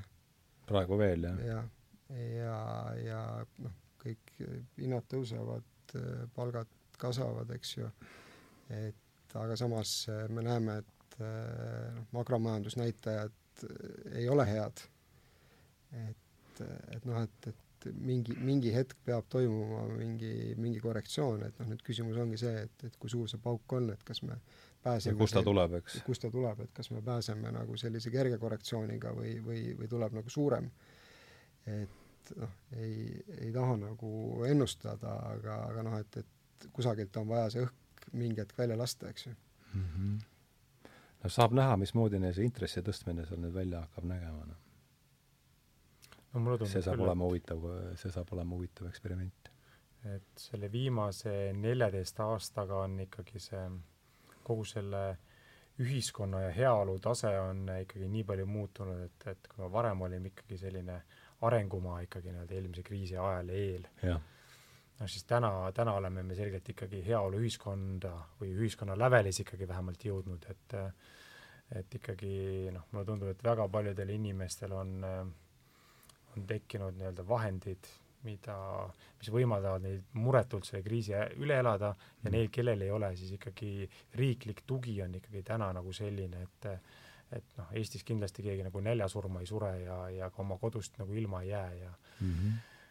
et eh, kui sa vähegi oled nagu mõistlikult toimetanud, et eh, ja, ja kui sul on käed, millega nagu tööd teha, et eh, et muidugi meil on, ebavõrdsus on suur ja vahed on suurem, aga, aga see kontrast ikkagi neljateist aasta tagusega, kus, kus kõik ikkagi hoo-, või noh, mitte kõik, aga väga paljud olid nagu hoolimatult laenu võtnud, mõtlemata, et mis intressimäärad teevad, kuidas seda tagasi maksta hmm., no siis täna see laenutase on ikkagi oluliselt madalam no,. on, eh, inimesed on ikkagi suhteliselt konservatiivsed, eks ole, noh, pankades on ju ma ei teagi, kümme pluss miljardit eurot on, eks ole, deposiite. kindlasti see ei jaotu võrdselt, see on nagu suhteliselt ebaühtlane, aga, aga, aga see on ikkagi väga, väga suur, suur summa ja, ja noh, võib-olla see ühiskond on ka võib-olla kuidagi, kuidagi äh, valmis nüüd äh, järjekordset kriisi äh, nii-öelda üle elama, see valmisolek on nagu suurem, et, et et, et kui kaks tuhat viis, kuus, seitse kõik vaatasid ainult, et nagu sky is the limit, on ju, et, et siis noh, nüüd, kui on ikkagi kaks aastat seda koroonat juba üle elatud ja on nähtud, mis Ukrainas võib juhtuda ja ja, ja eks sellest eh, majanduse võimalikest probleemidest on ka juba küll ja küll räägitud, et noh, tundub, et ikkagi ettevalmistus on nagu päris hea mm. -hmm. Uh, nüüd tuleks inflatsiooni juurde jälle tagasi, et kuidas teie seda praegu tajute oma, oma äris, et ähm, kogu seda hinna, hinnatõusu poolt, et annab äh, palgasurve äh,, ma saan aru, Rai-, Raimo jutust on juba ikka tunda, jah? Jaa, et eks see inflatsioon annab nagu igalt poolt tunda ja, ja kui noh, vaadatagi seda makromajanduspilti, siis siis eks üks suuremaid ohti ongi selline eh, inflatsiooni nii-öelda spiraal, kuhu võime sattuda. et, et, et ühtepidi hinnad tõusevad, tuleb tõsta palkasid, eks ju, selle tulemusel tuleb veel hindu tõsta. Ja, ja, ja ütleme, et kui seni on, ütleme, olnudki selline noh, inflatsiooni kontrolli alla saamise meede on olnud siis nii-öelda see intressi, intressitõus, samas intressitõus jälle pidurdab nii-öelda majandust mm, -hmm. et siis me ütleme, et võimegi sattuda sellisesse nagu või noh, tõenäoliselt olemegi sattunud nagu patiseisu, kus kus Just. üht, ühtepidi oleks vaja nagu intresse väga hoogsalt tõsta, aga, aga ei kannata tõsta. No see toob, toob jälle selle eelpool mainitud Stinnesi tsitaadi valik inflatsiooni ja, ja revolutsiooni vahel, et see see noh, kõik, millest siin ka juba juttu on olnud, et see no aga samas tuleb vaadata ka seda, et, et kes sellest inflatsioonist võidavad, et mm, see on hea küsimus. et noh, selgelt võidavad praeguses keskkonnas, kus inflatsioon on kõrgem ja intressimäärad suhteliselt madalad ja noh, ei ole ette näha, et, et need intressitase võiks noh, ligilähedaseltki hakata konkureerima selle inflatsiooniga. mis tähendab seda, et, et kõik, kes on omale Eh, laenu võtnud ja, ja, ja selle nii-öelda madala intressimäära endale fikseerinud, noh, need on tegelikult kõik ju võidumehed, sest et inflatsioon ju iga kuuga, iga aastaga närib seda laenu väiksemaks. nii eh, eraisikutel kui ka riikidel on aga võetud eh, laenukohustusi oluliselt lihtsam täita, kui vot noh, Eesti riigil ka, eks ole, kaks tuhat kakskümmend kaks, esimene kvartal eh,, maksutulud suurenesid lähes kakskümmend protsenti. no niimoodi on jah. Not bad. jah ja, ja kui see samamoodi edasi läheb, siis noh, Eesti riigil võlg on väike, aga aga eks ole, siin, siin lõunaosa riikidel, kus on ikkagi väga suured võlad, noh, ma arvan, et see ongi see pääsetee neist välja. jah.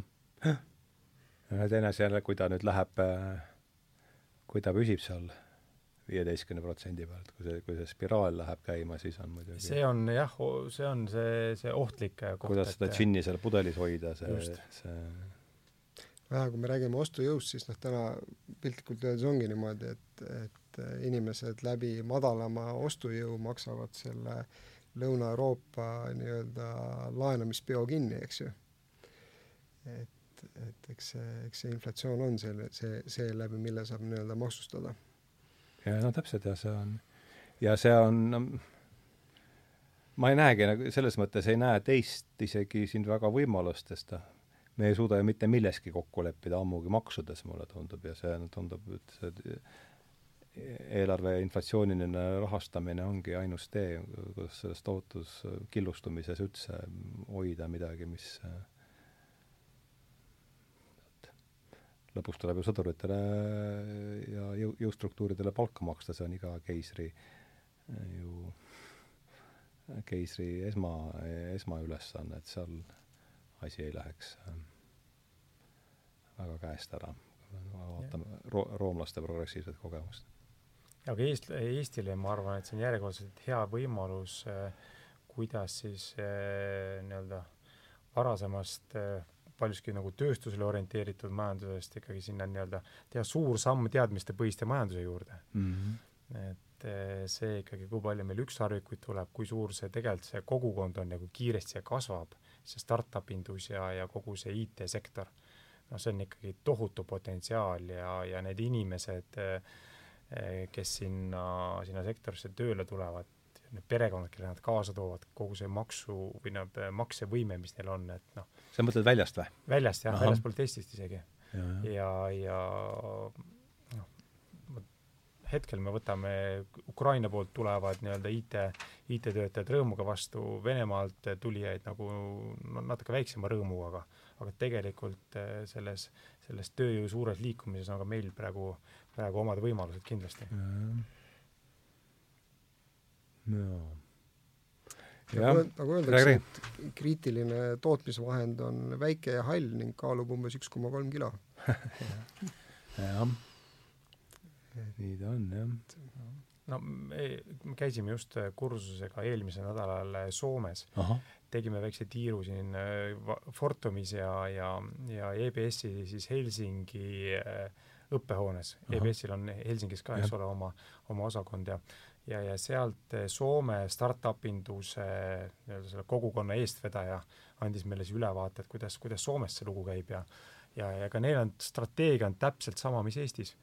et, et nad samuti üritavad Soome meelitada just neid helgeid päid, et kes tahaks tulla startup indusi tegema ainuke vahe on selles, et neil kindlasti ei ole sellist soodsat maksukeskkonda nagu on Eestis mm. -hmm hinnatase on selgelt veel kallim kui Eestis. Ja, ja noh, tulemuste mõttes ka, et, et äh, ta oli muidugi teadlik, et, äh, et Eestis on tänaseks seal, ma ei tea, kas seitse või kaheksa ükssarvikut juba, eks ole, et et, et võrreldes, eks ole, Soomega kuidas sa nüüd selles kontekstis seda ükssarvikut defineerid täpselt e,? miljard miljardiline nii-öelda turuväärtus. ehk siis, et mis on Eesti juurtega ettevõtlus, mis, mille turuväärtuseks on siis investorid hinnanud üks miljard või rohkem dollarit. Eestis on seitse-kaheksa või? minu teada küll on tänaseks, eks. ah soo, seda miljard turuväärtus, jah? jah. ja neid on Eestis äh, seitse-kaheksa, ütled? jaa. esimene oli Skype mm. -hmm.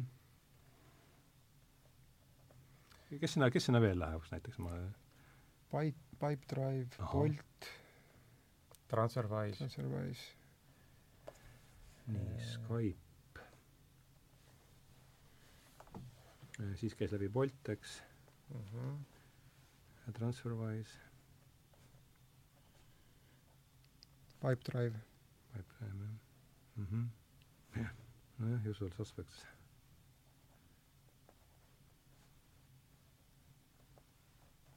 jah, selle järgi on ju täitsa niisugune päris uljas see jaa, mulle, mulle tuleb meelde, et kunagi aastaid tagasi oli kusagil Äripäeva artiklis sellised eh, ma ei hakka nimesid nimetama, aga Eesti sellised tööstuse nagu grand old man'id võtsid nagu sõna, et, et, et noh, et, et miks riik nagu panustab eh, mingitesse startup idesse, et see on nii-öelda nagu mõttetu raha, raha nii-öelda nagu põletamine, eks ju mm. -hmm ja noh, jah, seal on, on selles mõttes selline fail imise rate on nagu väga suur startup'is, enamus, enamus ei äh,, ei vea välja. aga noh, piisab sellest, kui üks, üks sajast või mitmesajast projektist nii-öelda kasvab selleks ükssarvikuks, eks ju mm. -hmm. et see on ikkagi riigile ja ühiskonnale tohutu panus, mis sealt tuleb mulle tundub, härrased, me oleme siin ajast maha jäänud ah,. nii et siin kiire, kiire uudistering ütleb, et juba märtsikuus Eesti sai kümnenda ükssarviku. nii et äh, mis see, on, on sul seal veel mingi, mul on Skype, Bolt, TransferWise, Pipedrive, mis seal, ei ole ammu selle kirjanduse vastu tundnud huvi mm. -hmm. miljard dollarit, see on ikka juba ja need on kõik siis IT niisugused, eks ole, ei ole kuulda, et siia keegi oleks suurt traktoritehast meile siia ehitanud, sest nii ei ole, jah. ja noh, ja omaette teema, eks ju, ongi Eestis ka, millest seesama see inimarengu aruanne on rääkinud kogu aeg, et, et IT, IT-haridus, et IT-haridusse panustamine, et nüüd seal Jõhvi tehti see kood, Jõhvi, eks ju. mis tehti Jõhvi? Et Eesti, Eesti siis nii-öelda IT, IT-ettevõtjad ise rajasid Jõhvi IT, IT-kolledži. ahaa, sellest pole ka kuulnud. ja et, et lihtsalt äh, nii-öelda riikliku süsteemist ei tule piisavalt äh, järelkasvu. et Eestis, Eestis on ka praegu aa, eraettevõtted äh, panid siis kokku sinna, millal see võis olla umbes? Äh, päris täpselt ei mäleta, see on mingi mõned, mõned aastad tagasi. jah, et, et ja et, et noh, ka praegu on tegelikult tohutu puudus on IT-spetsialistidest. et ega siin äh, väga palju suured ettevõtted, kes muidu isegi tahaksid tulla oma teabekeskused Eestisse tuua, siis täna enam väga ei kannata tuua, sest siin ei ole, ei ole enam tööjõudu võtta mm. -hmm. sa, tuleb sealt ma panen jah, selle nimekirja siin, vaatan, et äh, lisaks eelmainitud on meil Playtech. ahah, Playtech, jah, seda olen kuulnud. siis on Zego. vot seda pole isegi, mis, mis tuu on? Äh, kuidas kirjutatakse üldse? Z-iga, Zego. neli tähte? jah, ja ma saan aru, et nad tegelevad kindlustusega. ja siis on id.me, ma isegi ei tea, millega see id.me tegeleb meil ja siis, siis, ja siis mõned uuemad veel. Oh, näe, uut täitsa äh, oluline või tähendab täitsa täiesti uus info minu jaoks. ahah, aga no siin on mitmed teemad käinud meil läbi, eks, tuleks nende globaaltrendide juurde tagasi, et äh, mulle tundub, et üks selliseid äh, vormivamaid mõjusid on praegu see globaliseerumise tagasipöördumine, nimelt see deglobaliseerumiseks või või globaalmõranemiseks või kuidas, kuidas, mis te sellest, mis te sellest mõttest arvate, on sellest juttu olnud või et et globaliseerumise tagasipöördumine noh, mille see ühe ju markantsemaks näiteks on kas või seesama Ukraina, Ukraina sõda, et kuidas teie, mis, mis teie, kuidas teie seda pilti siin näete?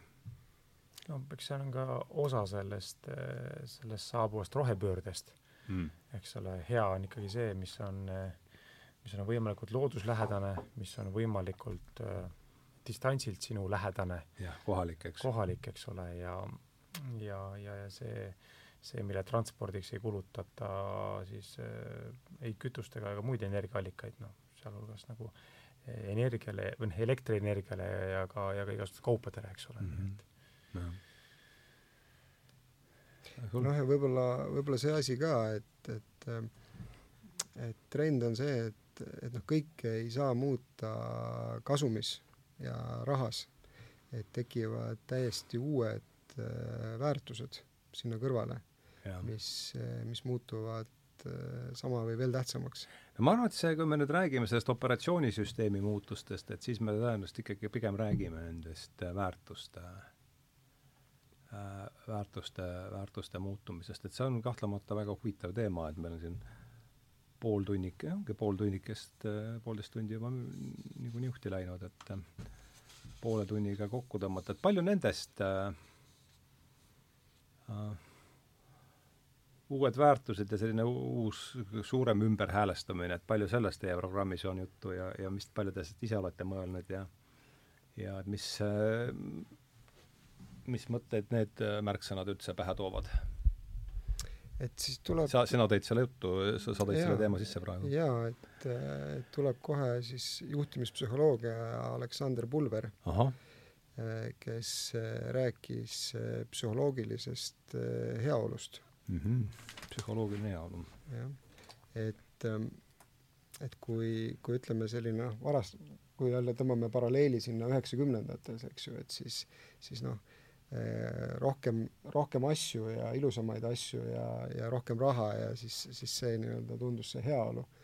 et, et me oleme jõudnud nagu, nagu sinna, kus, kus hakkame rohkem tähelepanu pöörama, et, et, et mis meid siis tegelikult nii-öelda nagu õnnelikuks teevad ja, ja mis on see, mis on see heaolu et, et, et seesama, mis sealt ka nagu sealt äh, inimarengu aruannetest tulevad, erinevad teemad tulevad välja, et siis äh, noh, Pulver näiteks tõi, tõi mingid sellised äh, teemad, teemad nii-öelda nagu esile, et, et äh, et isiks-, et äh, isiksuse kasv mm -hmm. näiteks on väga-väga oluline, positiivsed suhted Eh, eesmärgistatud elu, eh, enda aktsepteerimine mm, -hmm. sõltumatus, kompetentsus mm. -hmm. see oli juhtimispsühholoogia all käis, jah mm? -hmm. et noh, need on need asjad, mida me tegelikult äh, ei saa raha eest osta, aga me saame ise, iseennast äh, selles suunas nagu arendada mm. -hmm. ja et, et, et kui ka siin varasemalt oli inflatsioonist juttu, et, et, et raha tulevikus nagu väga palju ei pruugi maksta, aga aga need isiklikud nii-öelda kogemused, teadmised, mida saab ka siin EBS-is nii-öelda omandada, et, et et see on see investeering, mida, mis ajas ei devalveeru. see oma, see karakter, millega ükskõik mis olukorda vastu sisse minna. jah, mulle tundub, Raimo, et sa pigem oled jõudnud oma eluga sinna etappi ja vanusega sinna, kus, kus sellised väärtused hakkavad sind rohkem kõnetama kui varem võib-olla. jah, see kindlasti, jah. et ei, mul samamoodi täpselt ja jah aga..., seda tuleb küll silmas pidada kahtlemata, et see on meie, meie mätta otsast asi. just, aga noh, see, see on kindel muidugi, et, et noorem generatsioon, kes täna kasvab, tuleb hoopis teiste väärtushinnangutega, et kui, kui meie ajal mm. -hmm. see on huvitav teema, et mis, kus te, kus te näete põhilisi erinevusi nüüd selle pealekasvava põlvkonna ja, ja, ja, ja meie vahel, et äh, siin tasuks ka hea meelega teha, teha väikse peatuse no see info tuleb kuidagi igalt poolt sisse, et eks ole, vaatad oma laste pealt ja, ja, ja, ja tund-, suhtled oma suht-. kui vanad sul on lapsed? Eh, mul on lapsed tänaseks, eh, vanem on eh, kuusteist mm -hmm. ja, ja pesamuna saab just kümme uh. -huh. Mm, aga pigem veel nii-öelda neist natuke varemad, kes nii-öelda ise juba nii-öelda kakskümmend pluss, kes ise teevad täna majanduslikke otsuseid yeah. ja, ja vaatab, kuidas noh, neil paljudelgi puudub huvi omale autot osta mm. -hmm. no seda näitab ka statistika, eks ole, et, et autojuhi lubasid taotletakse vähem kui varem. see on statistikas kohe olemas? see on statistiline jah, et, et see mm, -hmm. see trend on selgelt nagu kahanev ja ja samuti äh, oma eluasemetega, et äh, et mäletan, et, et minu nooruses ikkagi oli, oli kõigil tahtmine ja nii-öelda esmaeesmärk oma oma kand kuskil maha saada, oma isiklik kodu, eks ole, siis, siis, siis tänapäeva noored on selles osas ka suhteliselt, suhteliselt paindlikud. ei ole see omand enam nii, nii oluline, et ja, ja, ja pigem vaadatakse laiema pilguga maailmas ringi, et et ei kiirustata, ei kiirustata selle asjaga kindlasti no ja kui palju mängib siin nüüd see, seda, see roll, see, see rolli, et noh, eriti meie põlvkond, noh, te jäite võib-olla siin kaksteist aastat äh, maha, et noh, me sattusime sellesse kõige, iseasi, kes, kes kui palju seda nüüd ära kasutas, aga aga et noh, me ei, meile mingis mõttes ju salas sadas kõik sülle. kogu see murrang ajal olime parima, parimas eas, et noh, nendel, et äh, et ma kujutan ette, et siin praegu keskkoolist tulles, et äh, ega see pilt ei pruugi üldse olla nii no, äh, seal inglise keel oli suus, siis said ju kohe pangas äh, või natukenegi inglise keelt mõh-, mõikasid, siis oli ju kohe töökoht kuskil pangas olemas, et ja noh, pangad olid tol ajal kõik väga teistsugused kui, kui, kui praegu, et nad praegu jah, aga mulle tundub, et need noored pigem ei mõtlegi just, just nagu nii ratsionaalselt nagu sina, et mm -hmm. et nii, et, et lõpetad kooli ära, nüüd jubedalt peaks nüüd nagu panka tööle minema. ma arvan, et pank on täna niisugune, niisugune niisugune väga niisugune kahtlane koht, et kuhu, kuhu pigem ei taheta. jaa, ei no ma ta-, muidugi, siis ta oli hoopis absoluutselt ja. teistsugune, jah pigem ikkagi eh, vaadatakse ettevõtete poole, mis, eh, mis muudavad maailma, muudavad ja. maailma paremaks, mis on, eh, ma ei tea, rohetrendides eesrinnas, mis, mis noh, pigem yes. annavad töötajatele vabadust ja, ja, ja võimaldavad sul kaugtööd ja, ja heal juhul tead, korra kaks nädalas astud seal töö juurest läbi, vaatad mm, -hmm. kuidas elu käib ja ja, ja, ja see, see tööviis ja äh, ja see, mida hinnatakse üldse ja, ja, ja kui vähe selle pärast muretsetakse, mulle tundub, et mm, -hmm. et see on ikka hoopis teine, mis, mis meie nooruses. jah, pangandus ei ole populaarne enam, see on nüüd vist tundub sellest, tundub olevat küll, tundub olevat küll vist ühel nõul või? noorte seas, mulle tundub ehm, jah, ja, ja ma arvan, ka see töötamine pangas enam ei ole see, mis ta oli üheksakümnendatel. just, ta muutub, et järjest enam on niisugust järele, siis nad niisugune mingi ettevõtlikkuse ikkagi mingid sellised alged olid seal olemas, et nüüd on nad ikka roh-, järjest rohkem mingid järelevalve ja niisugused. et hea, hea sari Tööst pangas on see Eesti sari, see pank. ja, ja, ja see et aga noh, ma, ma arvangi, et, et see ütleme, uue, noorema generatsiooni teema on see, et, et, et noh, kui, kui me tulime sellisest nagu puuduse ühiskonnast sealt nõukogude ajal, kus midagi ei olnud saada, eks ju, et käidi mitu kuud tööl, et endale tossud osta, eks ju et siis eh, noh, nemad ei ole seda aega näinud ja, ja võib-olla ongi siis see, et, et kui see meie generatsioon oli ikkagi selline asjadele ja jõukusele orienteeritud, et siis noorem generatsioon on selline kogemustele orienteeritud. et ikkagi nende jaoks on olulisem see reisimine ja, ja kogemine ja välismaal õppimine ja kõik see nagu. jah, mis kurat, me ei saanud ju väljagi ja siin nüüd vurtsivad ikka ringi päris hoolega, on ju see on ikka täiesti kus te üldse väli-, kus sa, Raimo, esimest korda välismaal käisid? esimene pikem reis oli äh, USA-sse. ahah, mis aastal see oli? Äh, see võis olla siis mingi äh, üheksakümnendate lõpus. üheksakümnendate lõpus, jah. kus sa käisid? ma käisin New Yorgis, Miami's ja Washingtonis nii et sul oli so,, isegi enne Soomet käisid USA-s või? aa, Soome selles mõttes ei, ei osa, ei osa, ei osanud, ei osanud arvestada, et loomulikult esi-, esimene välis, esimene välis, välisriis, kui nagu Nõukogude Liidu avarused jätta, jätta kõrvale, et siis oli, oli loomulikult oli Helsingi. aga, aga jah, oli ka ütleme, sai ka vanaisa vanema käidud äh, kunagi autoga Odessas näiteks. Sul on niisugune, mis, mis matkabuss, mis matkabussiga te käisite? Mos-, Moskvitšiga. Ah,. see oli niisugune, see oli populaarne matkabuss oma et, et see järel, järelveetav, see Skifi mm, telk oli, oli, oli järgi, see oli selline niisugune järelkäru, mis ah, kaane, kaane tegid lahti, siis tuli telk tuli sealt välja matkabussiga või siis tähendab, matkabuss, Moskvitšiga Odessas, jah ja,? see, see on ju jäänud, jätnud meelde, see peaks olema siiani meelde, kui vana sa olid umbes siis?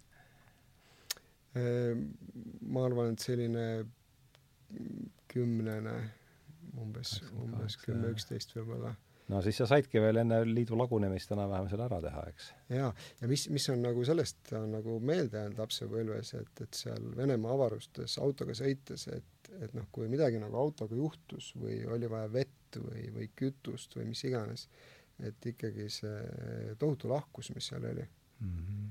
et, äh, et oli, et koha, kohalikud inimesed, noh, et nende jaoks muidugi natuke nagu eksootilised olid eestlased Moskvitšiga kuskil avarustes, aga aga jah, see selline on, on lapsena nagu meelde jäänud. tuleb mingi pilt ka ette sealt sellelt äh, suurelt sõidult Odessasse või? Äh, jaa, ikka, et erinevad, et sõitsime üle, üle Karpaatide, et, et mägedes ja ja et, et need on sellised äh, lahed, lahedad nagu kogemused ja noh, kui nagu jällegi tuua see paralleel siis selle äh, tänase generatsiooniga ja mis siis, mis siis nii-öelda nagu elus nagu oluline on, et, et siis ma arvan, ongi lapsepõlvest need, need mälestused ja kogemused. jah see on ikka uhke sõit, mul seal ei ole midagi selles, selles vallas ei ole vastu panna midagi, Ain, sul on midagi sealt eh, sarnast äh, mul nii eksootilist ei ole, aga, aga noh, ma käisin ka ikkagi üheksakümnendate esimesel poolel ja keskel juba, juba kooli ajal sai ikka käidud äh, Inglismaal seal natuke keelt õppimas ja, ja siis äh, siis, kui te Türis olid, Türis, Türil olid või? jah, jah. ja siis äh, kus sa olid Inglismaal? Londonis. Londonis käisime. Äh, ja mis see aasta võis olla siis? ma arvan, see võis olla kuskil üheksakümmend neli või ah, siis ikka Eesti ajal juba, jah? ja, ja just mm. -hmm. ja seal üheksakümnendate algus ka, kuna Türil oli väga tugev võrkpallivõistkond, siis, siis sa mängisid ise ka võrku või? jaa, jaa, ja siis sporti sai päris palju tehtud ja siis selle võistkonnaga sõitsime ka ringi Soomes ja Slovakkias käisime ja, ja erinevates kohtades mm. -hmm aga kõige esimene äh, siis äh, sõit liidust välja, kus sul oli, Raimo, oligi Soome või? jah. sul, Ain? ma arvan ka, et see võis Soome olla ikkagi, jah. ma käisin kaheksakümmend seitse aastat Bulgaarias, oli minu esimene mm.. ja ma mäletan, siis oli see, kui Ceausescu maksis oma välisvõlga tagasi. ja me sõitsime üle seda Uškorodist, sõitsime üle piiri, siis ma vaatasin tagasi, Vene piir oli täiesti niisugune, noh, ta tuledes kõik. ja Rumeenia oli üks täielik tead, must äh, süvik, kus me sealt, mul on see jäänud oma esimesest välisleidu, välissõidust meelde, see liidu piir täis tuledes ja siis tohutu pimedas ainult mm. Rumeenias. aga noh, kappriik ilmselt kõigil Soome, jah. aga mis USA-st meelde on jäänud sellest ajast? et ähm võib-olla oligi nagu see, et, et, et New Yorgis nagu tekkis selline tunne, et olime seal mõned päevad, et, et noh, hästi nagu kihvt on, äge on, tohutu nagu melu, kõik toimub, sigisagimine, aga et, et, et siin, siin nagu elada küll ei tahaks. et, et jah see on vist ka sarnane, jah. jah, et, et selline tunne, et, et noh, kui siin Eestis nagu noh, oled keegi ja, ja sul on võimalik eh, võib-olla ka noh, et, et, et seal tekkis nagu selline tunne, et seal sa ei ole mitte keegi nagu. et, äh, et siis võib-olla oligi nagu selline mm, kõva tunne, sagimine käis seal, on ju, hirmu sagimine oli. Et, et noh, et see on nagu väga kihvt riik on äh, USA, aga ikka nagu elada on ikkagi mõnus siin Eestis. Et, et ühesõnaga, et, et sellist, sellist küll ei tekkinud tunne, et noh, et tahaks nüüd minna kusagile välismaale elama, et noh, näiteks tõesti, et võib-olla õppida mõni aasta või midagi, aga, aga siin Eestis on ikkagi parem. millal sa käisid Ain esimest korda USA-s? ma olengi tänaseks käinud ainult ühe korra USA-s. ah jaa, ma arvan, et see oligi siis, kui mu esimene tütar oli, oli üheaastane ja see oli siis järelikult umbes niisugune viisteist aastat tagasi. Ahah, kus sa käisid äh,? New Yorgis. ahah, mis sealt siis, kuidas sinu, kuidas sinu New Yorgi äh, äh, pildid? mul on sellepärast on väga positiivsed pildid, et mul üks, üks tuttav töötas seal ÜRO juures ja, ja siis me ööbisime nende juures ja siis nad olid seal kohalikud giidid meie jaoks mm. ja siis vedasid igasugustesse, igasugustesse kohtadesse, kus, kus siis nagu harilikult turiste ei veeta. See oli kihvt, onju? ei, väga kihvt. see oli nädalakese või? umbes nädalakese, jah mm. -hmm ja, ja, ja, ja siis see hiinlaste Chinatown ja, ja venelaste, mis see venelaste linnas on? see väike Odessa. Äh, jah, ja tal oli, okei okay,, ja põhimõtteliselt jah, et, et kus, kus tõesti ei, kujutanud ettegi, et, et noh see on Brighton Beach midagi jah, Brighton Beachi juures täpselt. et äh, käid seal, eks ole, ja siis on venekeelsed poed, venekeelsed sildid, venekeelne jutt kõik sees, et nagu tõesti nagu noh, mitte päris Venemaa, aga aga, aga, aga, aga vene keeles sai väga ilusti kogu see linnaosas oma asjad ära aetud, nii et ma mäletan ka, me tulime sealt lennukist välja, ma läksin üheksakümmend üks alguses ja siis, kui läks esimest korda need no lennujaam, eks see on mingi kunstlik tempel, siis läksid uksed, läksid lahti, siis see kuuma pahvak mm. -hmm. ja siis see, see New Yorgi silhuett, siis mul ei läks see kunagi meelest ära ja üks paks neegerpolitseinik tuli ka veel, see on mul kõik see, see pilt on täiesti niimoodi nagu noh, jäädvustunud, see kus see uksed läksid täitsa. ega jah, oleme see on ikka, jah. aga mul on üks kogemus teiselt USA reisilt, et see võis olla mingisugune kaks tuhat kümme äkki umbes niimoodi. et meid kutsuti seoses ka seal töö äripartneritega sinna Daytonasse NASCARi vaatama. Ja vot, vot see oli nagu päris huvitav ja selline silmi avav kogemus, et, et noh, milline see nii-öelda päris Ameerika on. See on see ringi, ringi, ringi, see on jah, see NASCAR, kus nad siis sõidavad autod mõlgivad üksteist ja kihutavad. aa, mõlgivad ka, jah? noh, selles mõttes seal niimoodi kukub välja, aga, aga noh oota, mis autodega nad seal uhavad? Need ei ole vormelid, eks ole? ei ole vormelid, aga mingid sellised äh, ongi kohandatud vist selle ringrajasõidu peaks seal no nii, aga las ta olla, nii. et, et siis seal oli nagu selles mõttes selline noh, see on selline noh, ehtne niisugune nagu red, redneckide Ameerika, et, et kus, kus, kus siis nii-öelda tulid need tõenäoliselt need Trumpi valijad. ja, ja, ja. Et see, et sinna nagu sõit oli juba omaette niisugune vaatemärk, et äh, on sellised tohutult suured äh, kastiautod. Dayton on kus meil üldse? see on seal Florida, Floridas, et äh, suured, suured kastiautod, millel olid Ameerika lipud olid küljes. ja, ja siis äh, äh, alguses vaatasin, et, et, noh, et, et seal on tohutult nagu invaliide, et igal pool on need rambid ja siis nad sõidavad oma selliste elektri väikeste nagu äh, mingite toolidega või mis nad on, eks ju. aga noh, see on selleks, et seal on nagu noh, oli nii palju nagu ülekaalulisi, kes ei, ei suuda ise, ise kõndida. ja siis, kui see pihta hakkas, see oli tohutu niisugune avatseremoonia oli seal. Ja siis eh, kõigepealt oli, oli oli mingi palvus oli, kus siis kirikuisa keegi avast-, avaldas siis toetust meie poistele Iraagis. nüüd aasta peal oli siis mingi kaks tuhat kümme, ma arvan umbes, umbes niimoodi võis olla. või, või see kaks tuhat kaheksa või üheksa äkki. Ja, ja siis, siis tuli keegi kohalik poliitik, avaldas toetust eh, meie poistele Iraagis. siis oli äh, sõjaväeparaad oli siis oli keegi äh, püstakas blond laulis Ameerika hümni -huh. ja avaldas toetust poistele Iraagis ja, ja siis siis pandi mootorid käima? pandi mootorid käima ja siis meeskonnale, kellele siis kõige rohkem äh, kaasa elati ja kui keegi seda autot rammis, siis sai nagu rahvas väga tigedaks. et, et et vaevalt te seda meeskonda ära arvate, aga see meeskond oli US Army. Mm.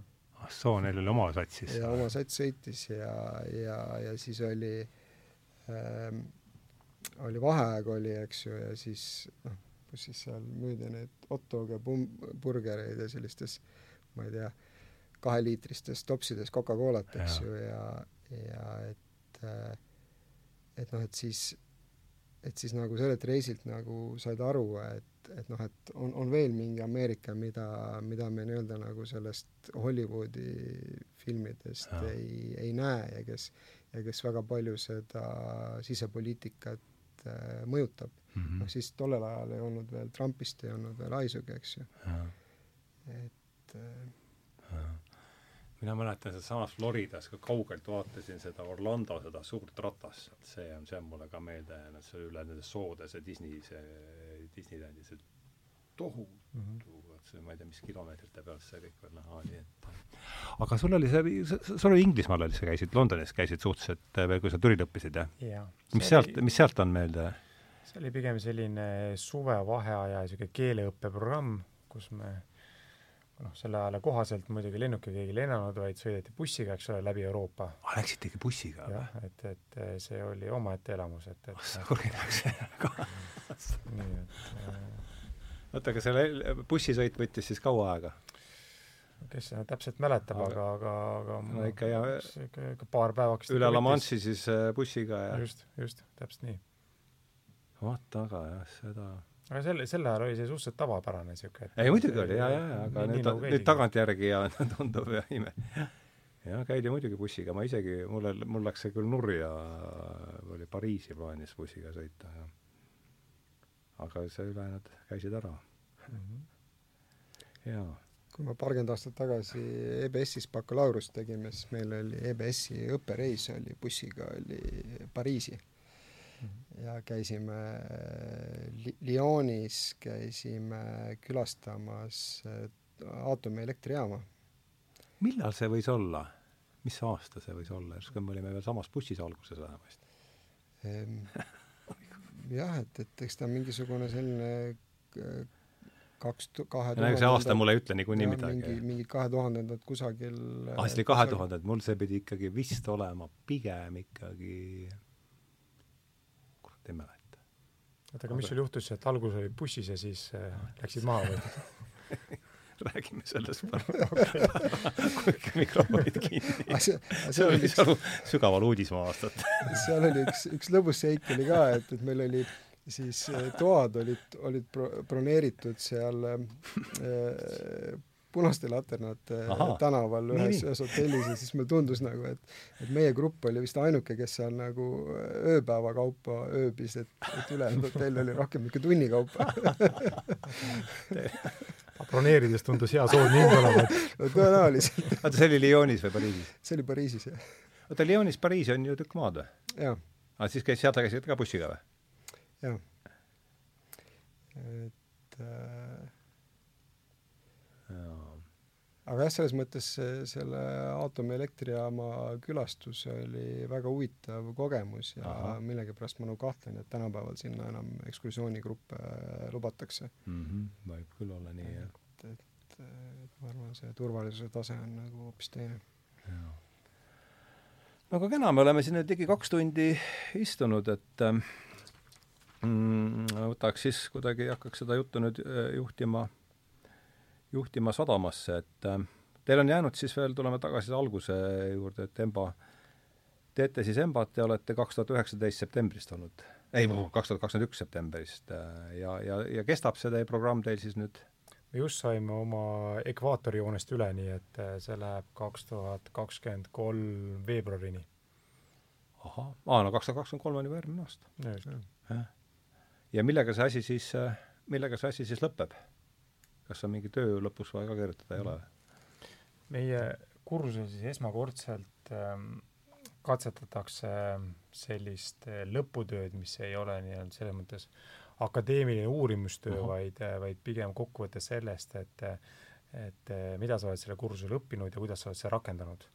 ta peab olema kenasti küll vormistatud, peab olema viisakalt ette kantud, aga, aga tal ei pea olema selliseid traditsioonilise akadeemilise töö nagu tunnuseid, et see kõlab ju mõistlikult minu, minu, nii vähe, kui mina asjast aru saan. jah, nii ongi.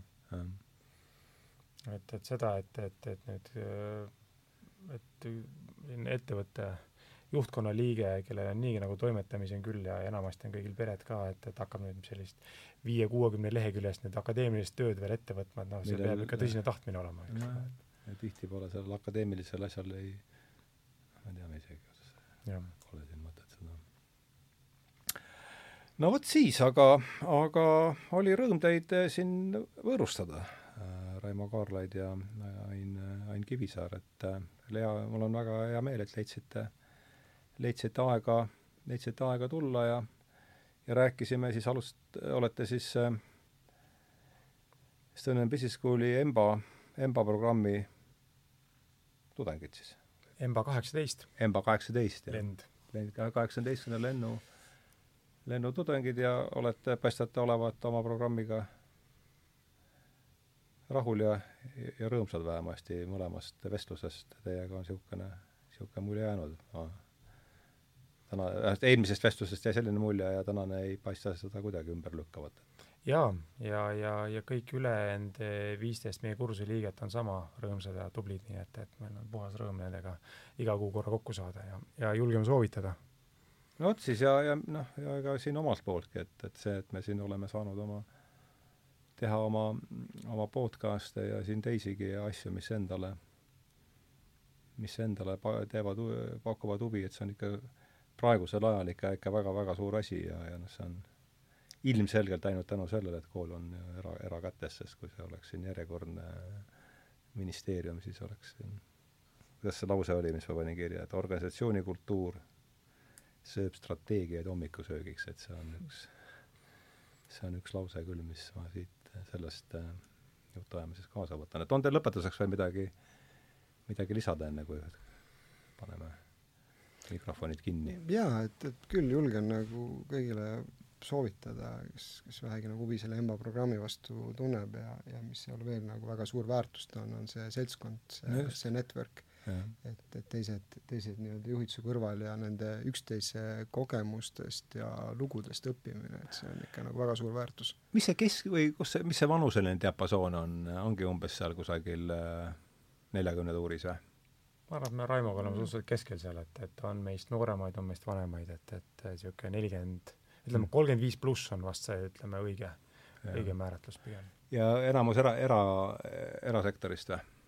enamus on erasektorist, samas on ka mitmeid, mitmeid riigisektori inimesi, nii et mõlemaid mm. -hmm. no vot siis, aga äh, suur aitäh teile tulemast äh,, suur aitäh teile tulemast ja, ja ja tõmbame siis ja, ja aitäh kõigile neile, kes on teinud selle saatesarja võimalikuks ja, ja lähme siis lahku suuremate sõpradena, kui me enne olimegi, nii et äh, tõmbame siis kriips alla sellele peamisele. aitäh! aitäh!